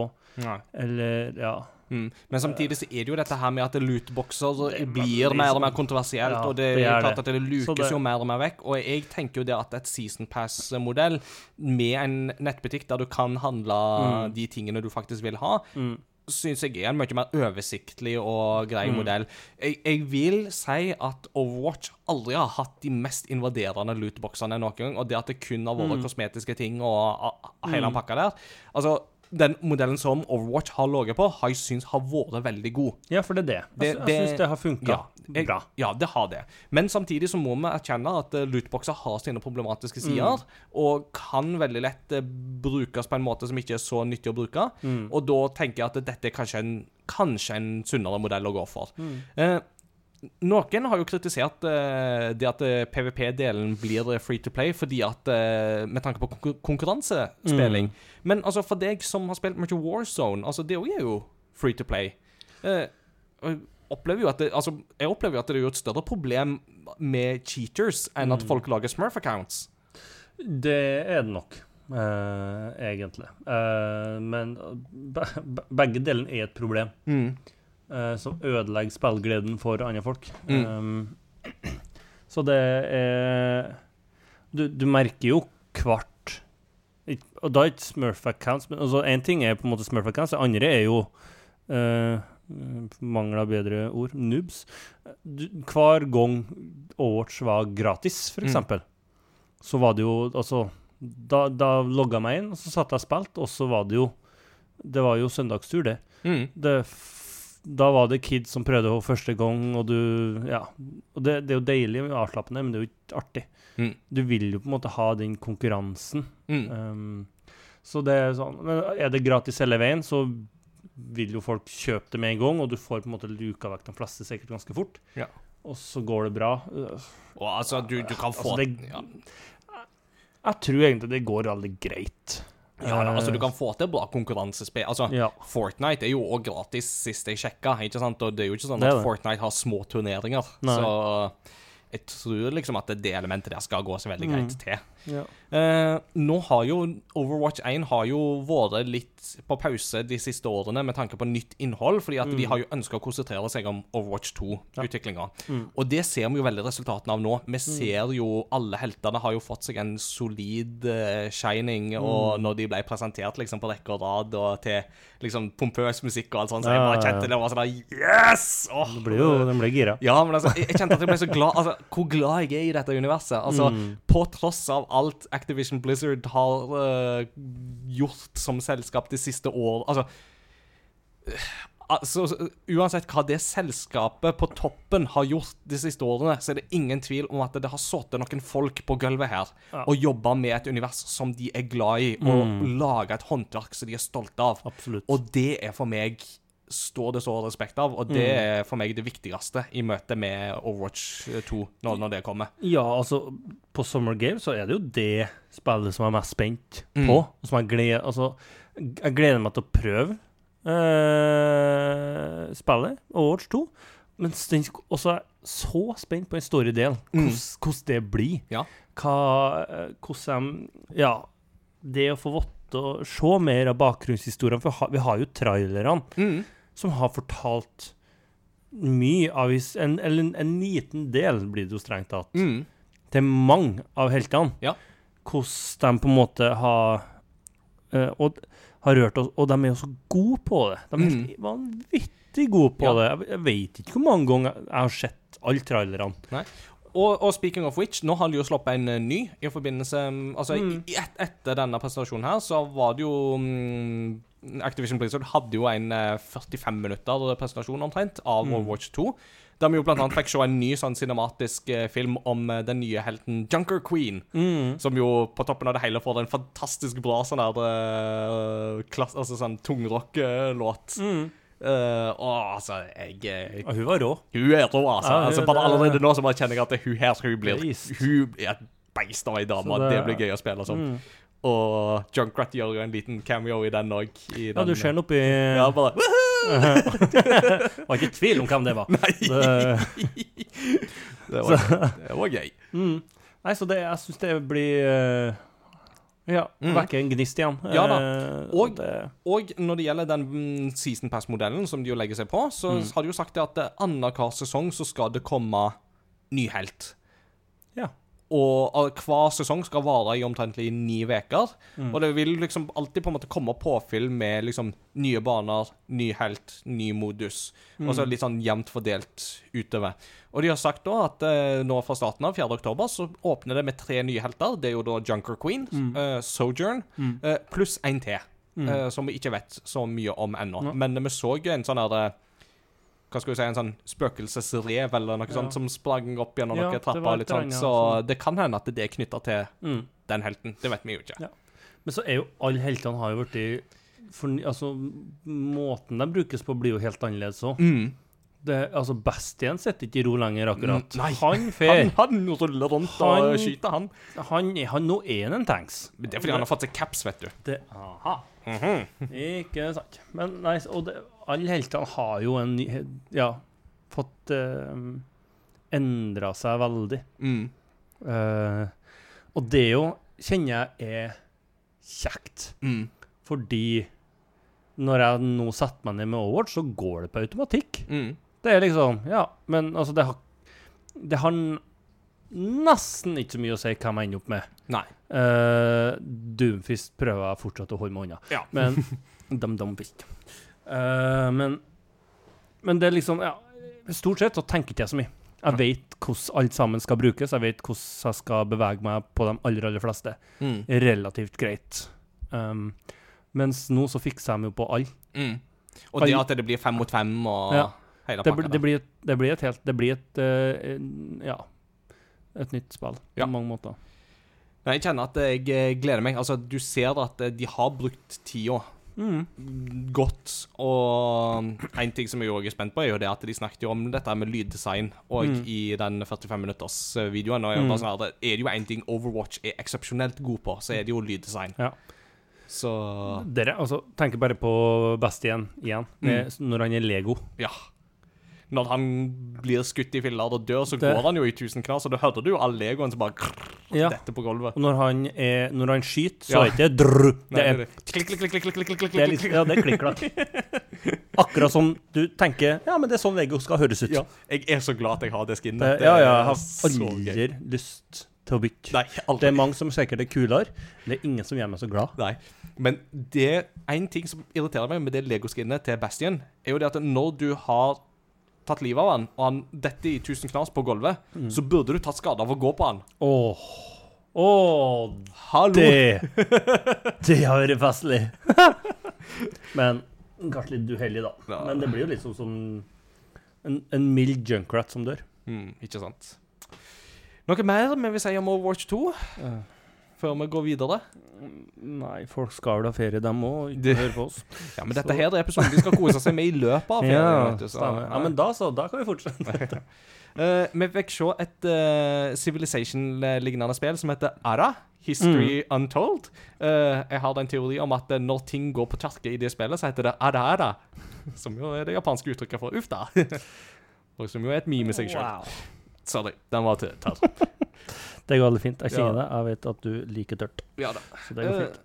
Uh, Bethesda-fans fikk se litt av både The Elder Scrolls Online High Isle og Fallout 76. Mm. Uh, sikkert kjekt for Ja. eh, de. Skal tilbake til gamle trakter på Ja. Fallout. Så, Mhm. Forza Horizon 5 får Hot Wheels-utvidelse, som Mm. jeg jo tror er gratis, og, og som bare så bananas ut. Mm -hmm. uh, som uh, for så vidt var veldig kult, og det så blankt og fint og shiny og ja, artig ut med liksom biler som kjører på liksom baner oppe i lufta i vilden sky og tar Mm. noen loops og Ser ut som Mario Kart 8 endelig får seg en konkurrent her. Det, det er jo nesten det. Ja. Mm, absolutt. Ark 2 uh, med selveste Finn Diesel. Eh, Han uh, klarte jo å ja, hva skal vi si, bæsja litt på leggen på Twitter med liksom bare sånn at skikkelige gamere de gleder seg til Ark 2.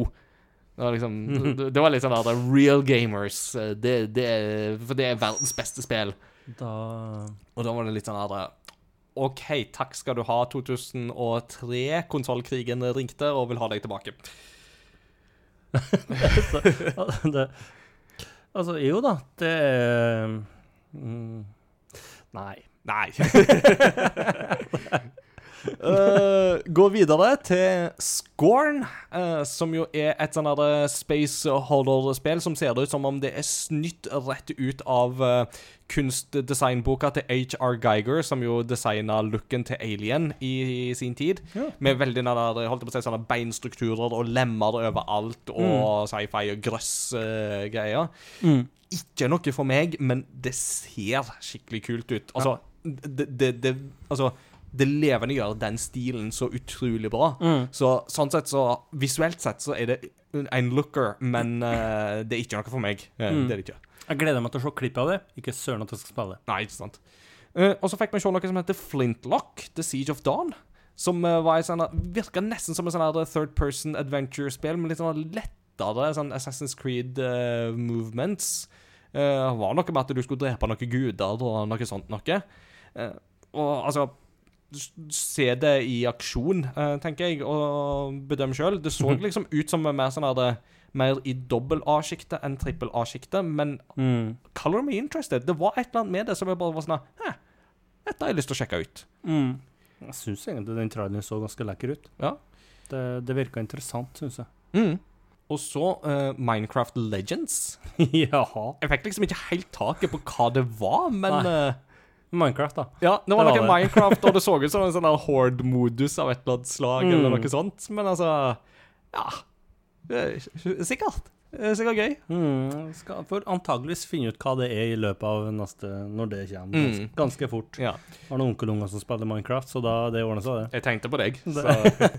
og så kommer vi til det spillet som jeg snakket om i stad, med dette uh, eh, Space uh, Survival Crafting-spillet. Mm. Light Year Frontier, var det det hette. Mm. Det har jeg lyst til å sjekke ut. Og så var det et spill som jeg ble litt sånn Wow, dette så faktisk litt artig ut. Og det var The Last Case of Benedict Fox. Uh, som da ser ut som en sånn Du tar på en måte Ori-estetikken og fargene og sånne ting, og plasserer det i et sånn gotisk hus der hovedpersonen går inn i tanker og minnene til de som har vært der tidligere, så det nesten Mm. ut som. Så det så ut som en sånn blanding av Castlevania og eh, Ja, altså nå er jo Ori for så vidt en Metroidvania, det òg, da, men altså Ja. det, det, det var et eller annet med den looken og den der eh, litt sånn gufne følelsen, men samtidig mer på en måte fokus på på en måte eventyr og sånt, enn at det Mm. skulle være skummelt. Så det var sånn dette her, det, det skal jeg sjekke ut når det kommer, for det så ut til å være helt oppe i min gate. Mm. Eh, Jeg måtte flire litt av noen i eh, discorden vår som poengterte The last case of Benedict Fox. Jeg har aldri spilt The first case engang. jeg tror ikke det var poenget, at det Mm. skal være noen flere ting der. mm. Uh, og så var det et par titler som jeg ikke husker så mye av, uh, så jeg bare hopper litt uh, Jo, As Dusk Falls så ut som en sånn her Hva skal vi si Et slags sånn der Life Is Strange-lignende konkurrent med veldig sånn tegneserieaktig grafiske stilarter, der du følger holdt på si, en generasjon i på en måte et eh, slitt, rust, eh, slitent og russent USA. Eh, og der det liksom historien går i mange forskjellige retninger. Eh, Ja. Hadde en veldig særegen uh, stil. Uh, veldig sånn tegna. Var det dere fam Familie på flukt. Ja, ja. og hver sin historie, men alt, Mm. alt sammen kulminerer tilbake, eller ender Ja. opp i den. Ja, Det, det så veldig spennende ut. det, ja altså, det bet jeg altså, Jeg klarer ikke å fullføre en setning, tydeligvis. Nei. Nei, det, det, det var fascinerende, Mm. fordi Eller jeg er spent på hvordan de bygger opp det. Mm. Er det sånn at du da kan rett og slett spille la oss si, typ fem ganger? Og ha fem forskjellige historier, hvor alt sammen kulminerer igjen? Eller er det fem para... Altså at du spiller litt her, litt der, og så går liksom via, via, via? Det blir spennende se. Ja. 19. juli slippes det. Ja. Det, ble, det har vært vist fram før, men nå fikk vi en dato, så Mm. spennende. Ja. Uh, Grounded går nå ut av Early Access og kommer som et sånt fullspill. Det er jo sånn Det er basically Honey I Shrunk the Kids, uh, the video game. Der du må spille uh, Komme deg gjennom en hage full av um, som, som liten, og da må du jo slåss mot både maur og edderkopper og Mm, andre sånne koselige krabater.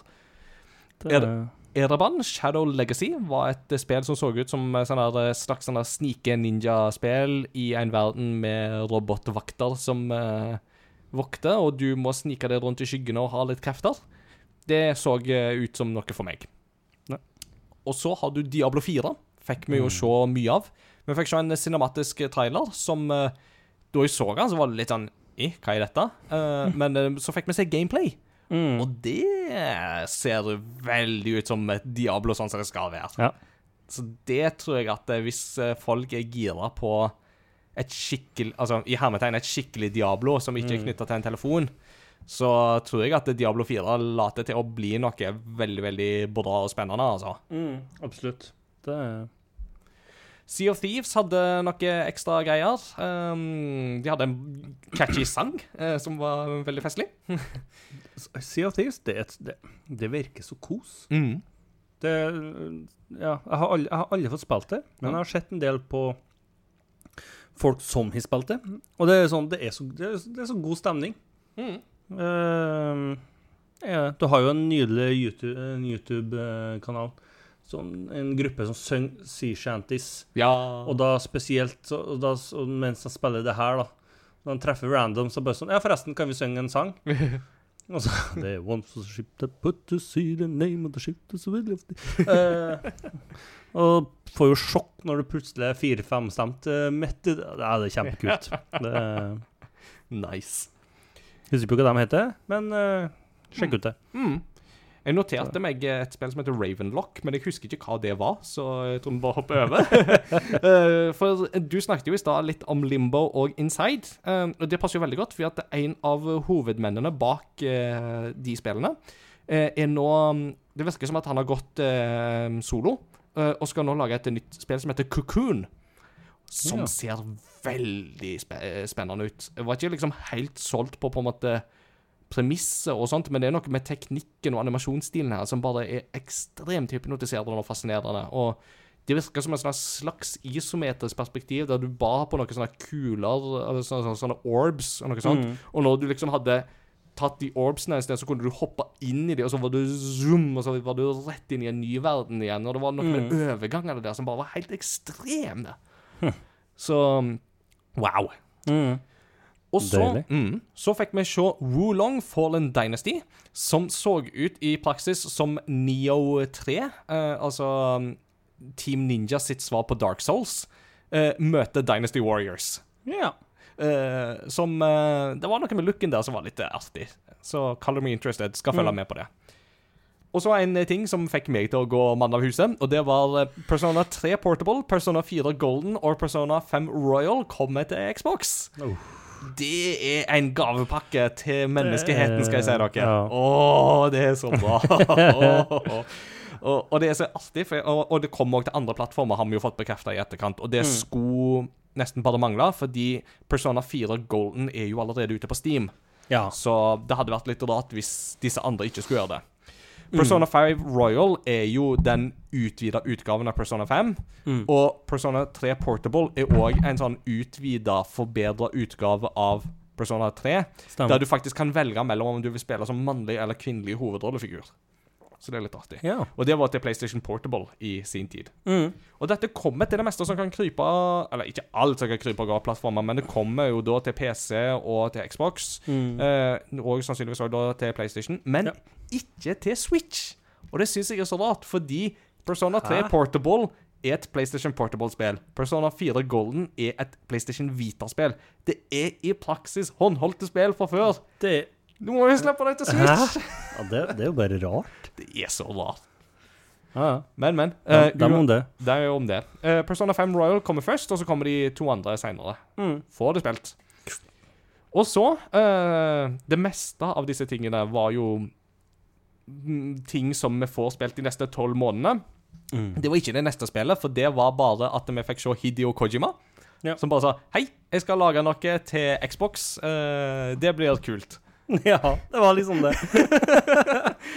Men det var litt sånn eh, det, var sånn to, to ganger på rad. Det var sånn Først da uh, Phil Spencer, Xbox-sjef, var på scenen, og så snakket han liksom om at Nei, nå har vi et nytt og spennende noe med våre friends at Atlas. Mm. Og så kommer Atlas-logoen, og så var det jo Persona-spillene. Og jeg bare sånn Hæ, har de kjøpt Atlas nå?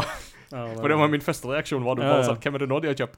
Og så kommer Hidio Kojima som bare sånn Hæ, har uh, Phil Spencer kjøpt Hidio Kojima? ja, det er sånn det funker. Eh, med sånn klausul om at uh, det er greit, men da må Phil Spencer dukke opp i det neste spillet til Mm. Hidio Kojima i en Mm. gjesterolle.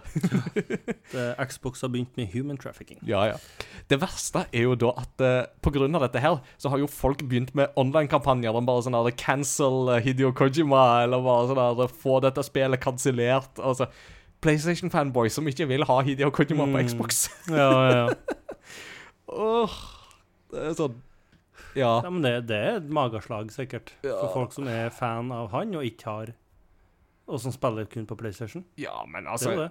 Ja, men allikevel. Det, Eh, men alt kommer jo stort sett på alt nå, da. det gjør jo det. Etter hvert. Etter hvert. Det gjør jo det. Så ja. Og så var det jo det som var rosinepølsa for veldig mange, og det var jo 15 minutter med Starfield. Mm. Og her er jeg litt spent, Peter. Hva er dine førsteinntrykk av det vi har sett av Starfield?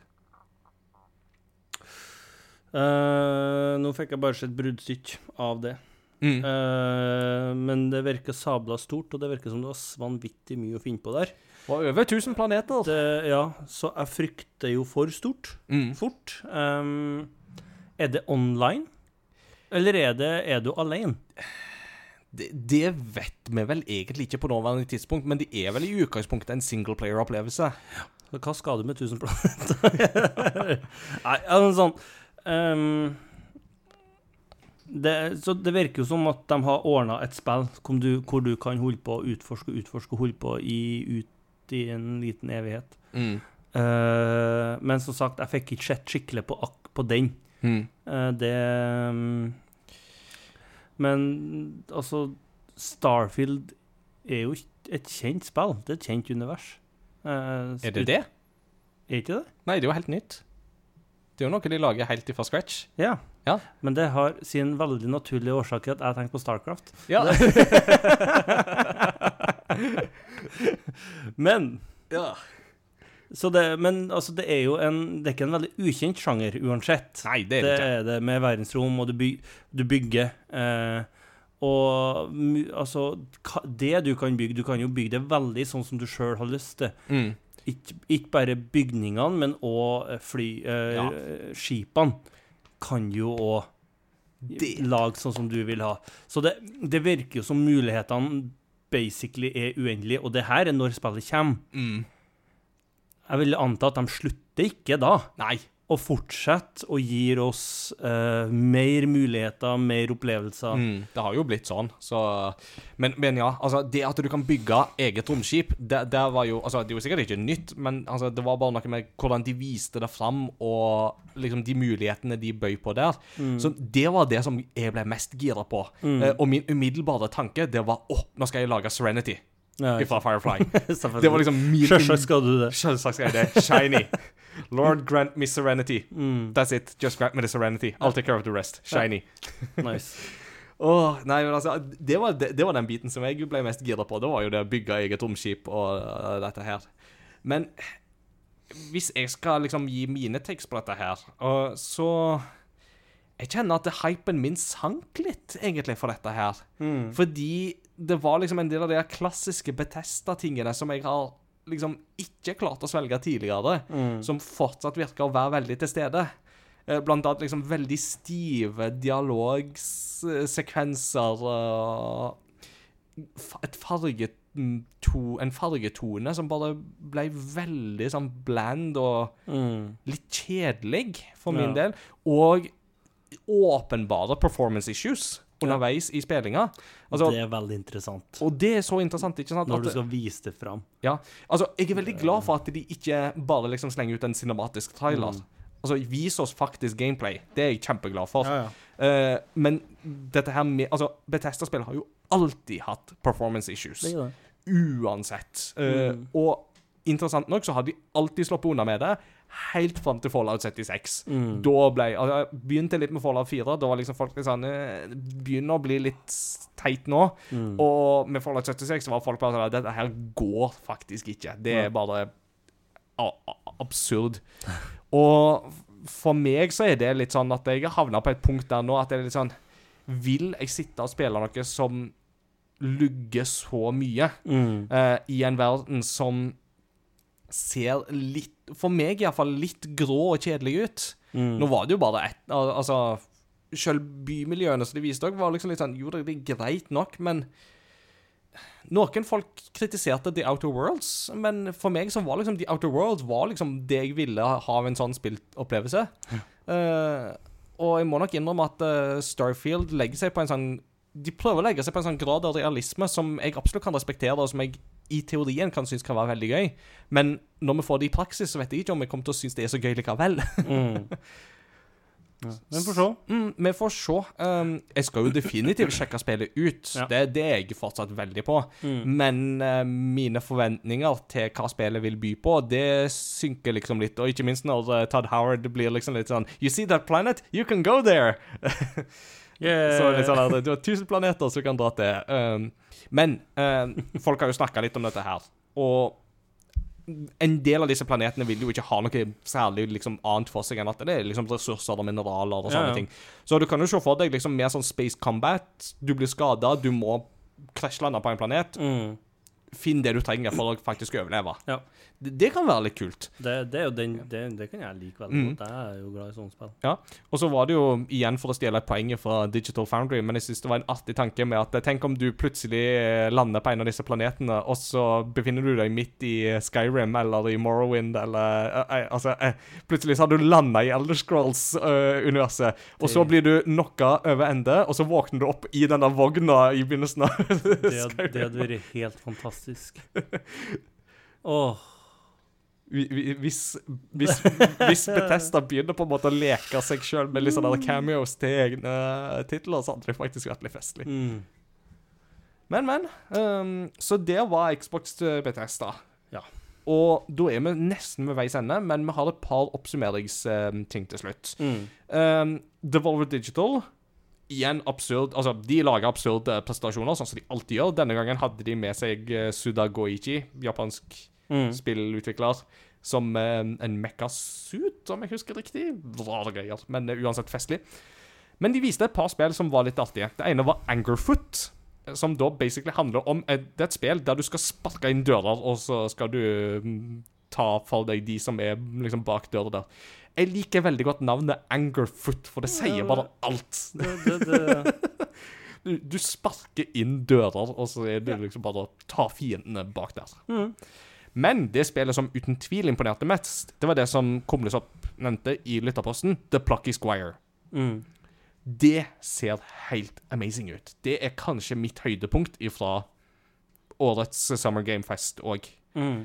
Fordi dette er da utvikla av en kar som har jobba lenge i Gamefreak, altså Pokémon-selskapet. Mm. Som nå har laga et spill der du begynner i en sånn 2D-eventyrbok med en sånn søt, eh, eventyraktig stil og mange forskjellige typer spillmekanikker. Og så plutselig hopper han ut av boka, og da står han i et hyperrealistisk, tredimensjonalt eh, lekerom. Mm. Eller, eller barnerom, da. La oss si det sånn, da. Ja. Og dette så ut som en sånn her salig blanding av Zelda Links Awakening-grafikken kombinert med mekanikker fra Zelda A Link Between Worlds. Det, det var rett og slett bare eksepsjonelt pent å se når de liksom tok det der hoppet fra 2D til 3D, Mm. som jeg bare likte veldig, veldig godt. Mm. Uh, nå ser jeg at du sitter og ser på Thailand her, så- nå ser du at han hopper ut. Der hopper han ut, ja. Og, og så får du det perspektivskiftet der. Ja, Går liksom fra 2D til 3D sånn. Lekkert. Det, det, det der, det kan bli en sånn sleeper hit som Mm. eh, jeg definitivt kommer til å følge med på.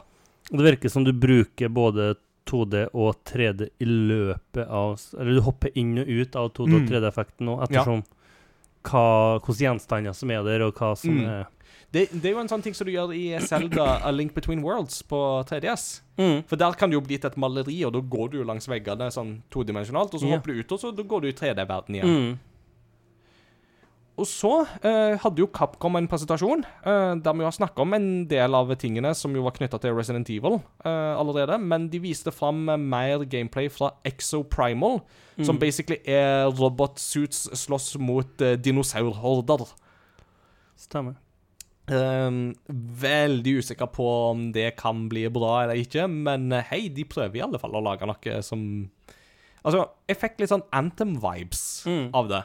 Uh, så jeg bare Hvis det blir bedre enn Anthem, og det, hvis jeg skal være ærlig, så skal ikke det så veldig mye til, så um, Ja, det, det kan jo bli artig titrøyter, kanskje. Vi får se. Og så annonserte de noe som um, godeste Christian Fonneland ble veldig glad for da jeg kunne si det til han. Og det var at Dragons Dogma 2 ble annonsert. Ja. Som da er ti minutter Ti minutter, sier jeg. Ti år, så nesten. Etter det første Dragons Dogma, som var et sånn her eh, RPG Souls-like-spill fra Capcom sin side, som har sine fans. Mm. Så vi får se. Eh, Jeg må kanskje få spilt einen først. Og så hadde Square Enix til slutt hadde ti minutter der de skulle feire 25-årsjubileet til Final Fantasy 7. Og det gjorde de med å vise neste kapittel i eh, Final Fantasy 7 Remake, som da heter Final Fantasy 7 Rebirth. Ja. Som da, så vidt jeg kunne se, kun kommer til PlayStation 5, ikke PlayStation 4. Eh, de har avslørte at det blir en eh, trilo trilogi, dette her. Mm. Og jeg har jo hatt mitt å si om Final Fantasy 7 Remake, men jeg er fortsatt veldig spent på hva Rebirth vil komme med. Mm. Og det ser pent ut, i alle fall. Men det er mange Square Enix-spill som gjør det, så jeg trenger litt mer for å bli overbevist. Det er noe med det. Ja. Men de slapp òg en nyhet som for meg var litt sånn at, Wow, de gjorde det faktisk endelig. Og det er at Crisis Core Final Fantasy 7 skal få en, en, få en remake. Og dette er da et PlayStation Portable-spill, egentlig, Mm. som er en prequel, altså en forhistorie til Final Fantasy 7 Ja. der du får spille som Zack, som er på mange måter eh, litt sånn forløperen til Cloud, han som du kjenner fra Final Fantasy 7 med det store sverdet Mm, og sånn. Eh, Zack er liksom hans på en måte forgjenger, om jeg skal si, kalle det det, da, og hans historie.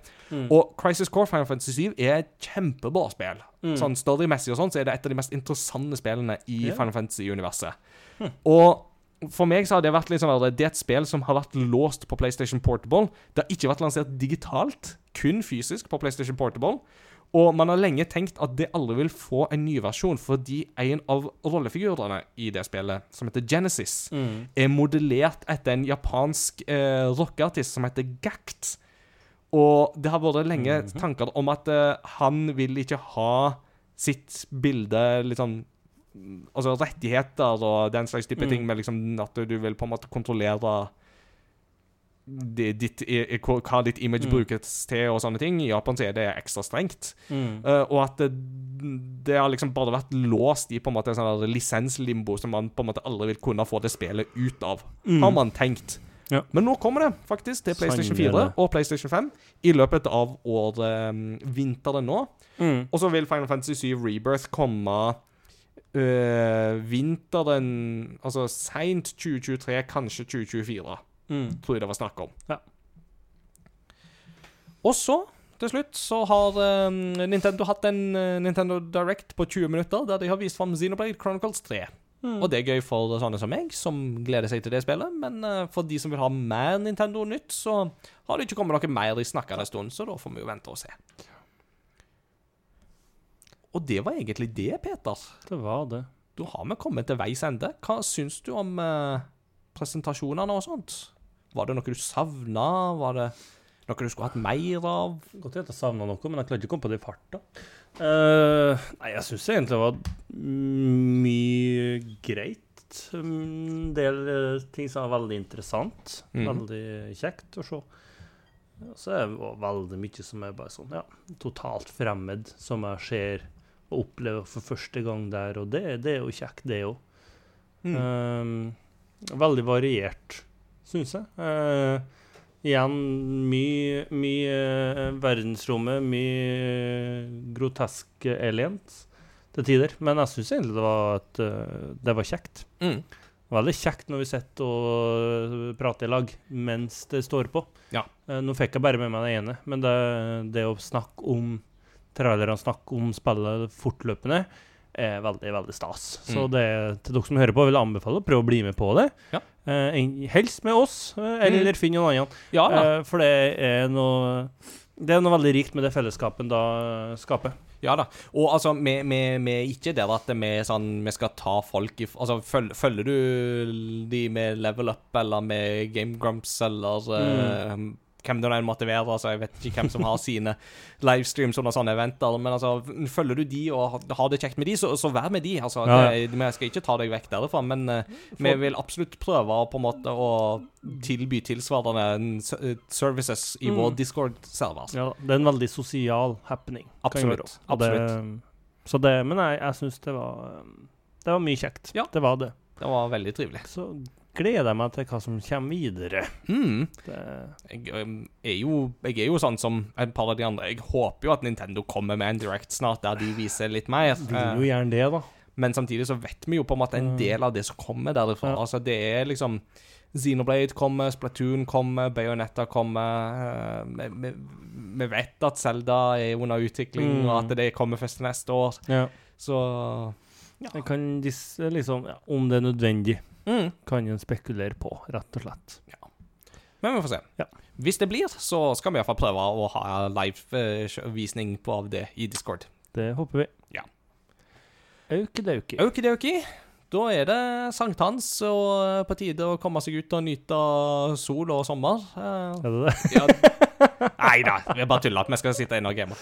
Uh, men vi skal ha et uh, på studium. Ja, ja, men, vi skal, men vi skal ha et på studium før vi takker for eh, kvelden og ønsker god sommer. Det må vi. Ja, og jeg er jo Jeg slutter jo aldri å snakke varmt om personermusikken. Du gjør ikke det? vet du? Nei da. Og da har jeg lyst til å trekke fram et, uh, en skikkelig groovy beat fra Persona 5 som heter Price. Som yeah. er Det er ifra det tredje palasset som du infiltrerer i eh, det spillet. Stemmer. Det er jo et sånt spill der du jo eh, du spiller jo som The Phantom Thieves, som jo skal snike deg inn i hjertene til folk, der folk har jo sånne mind palaces inni Mm. seg.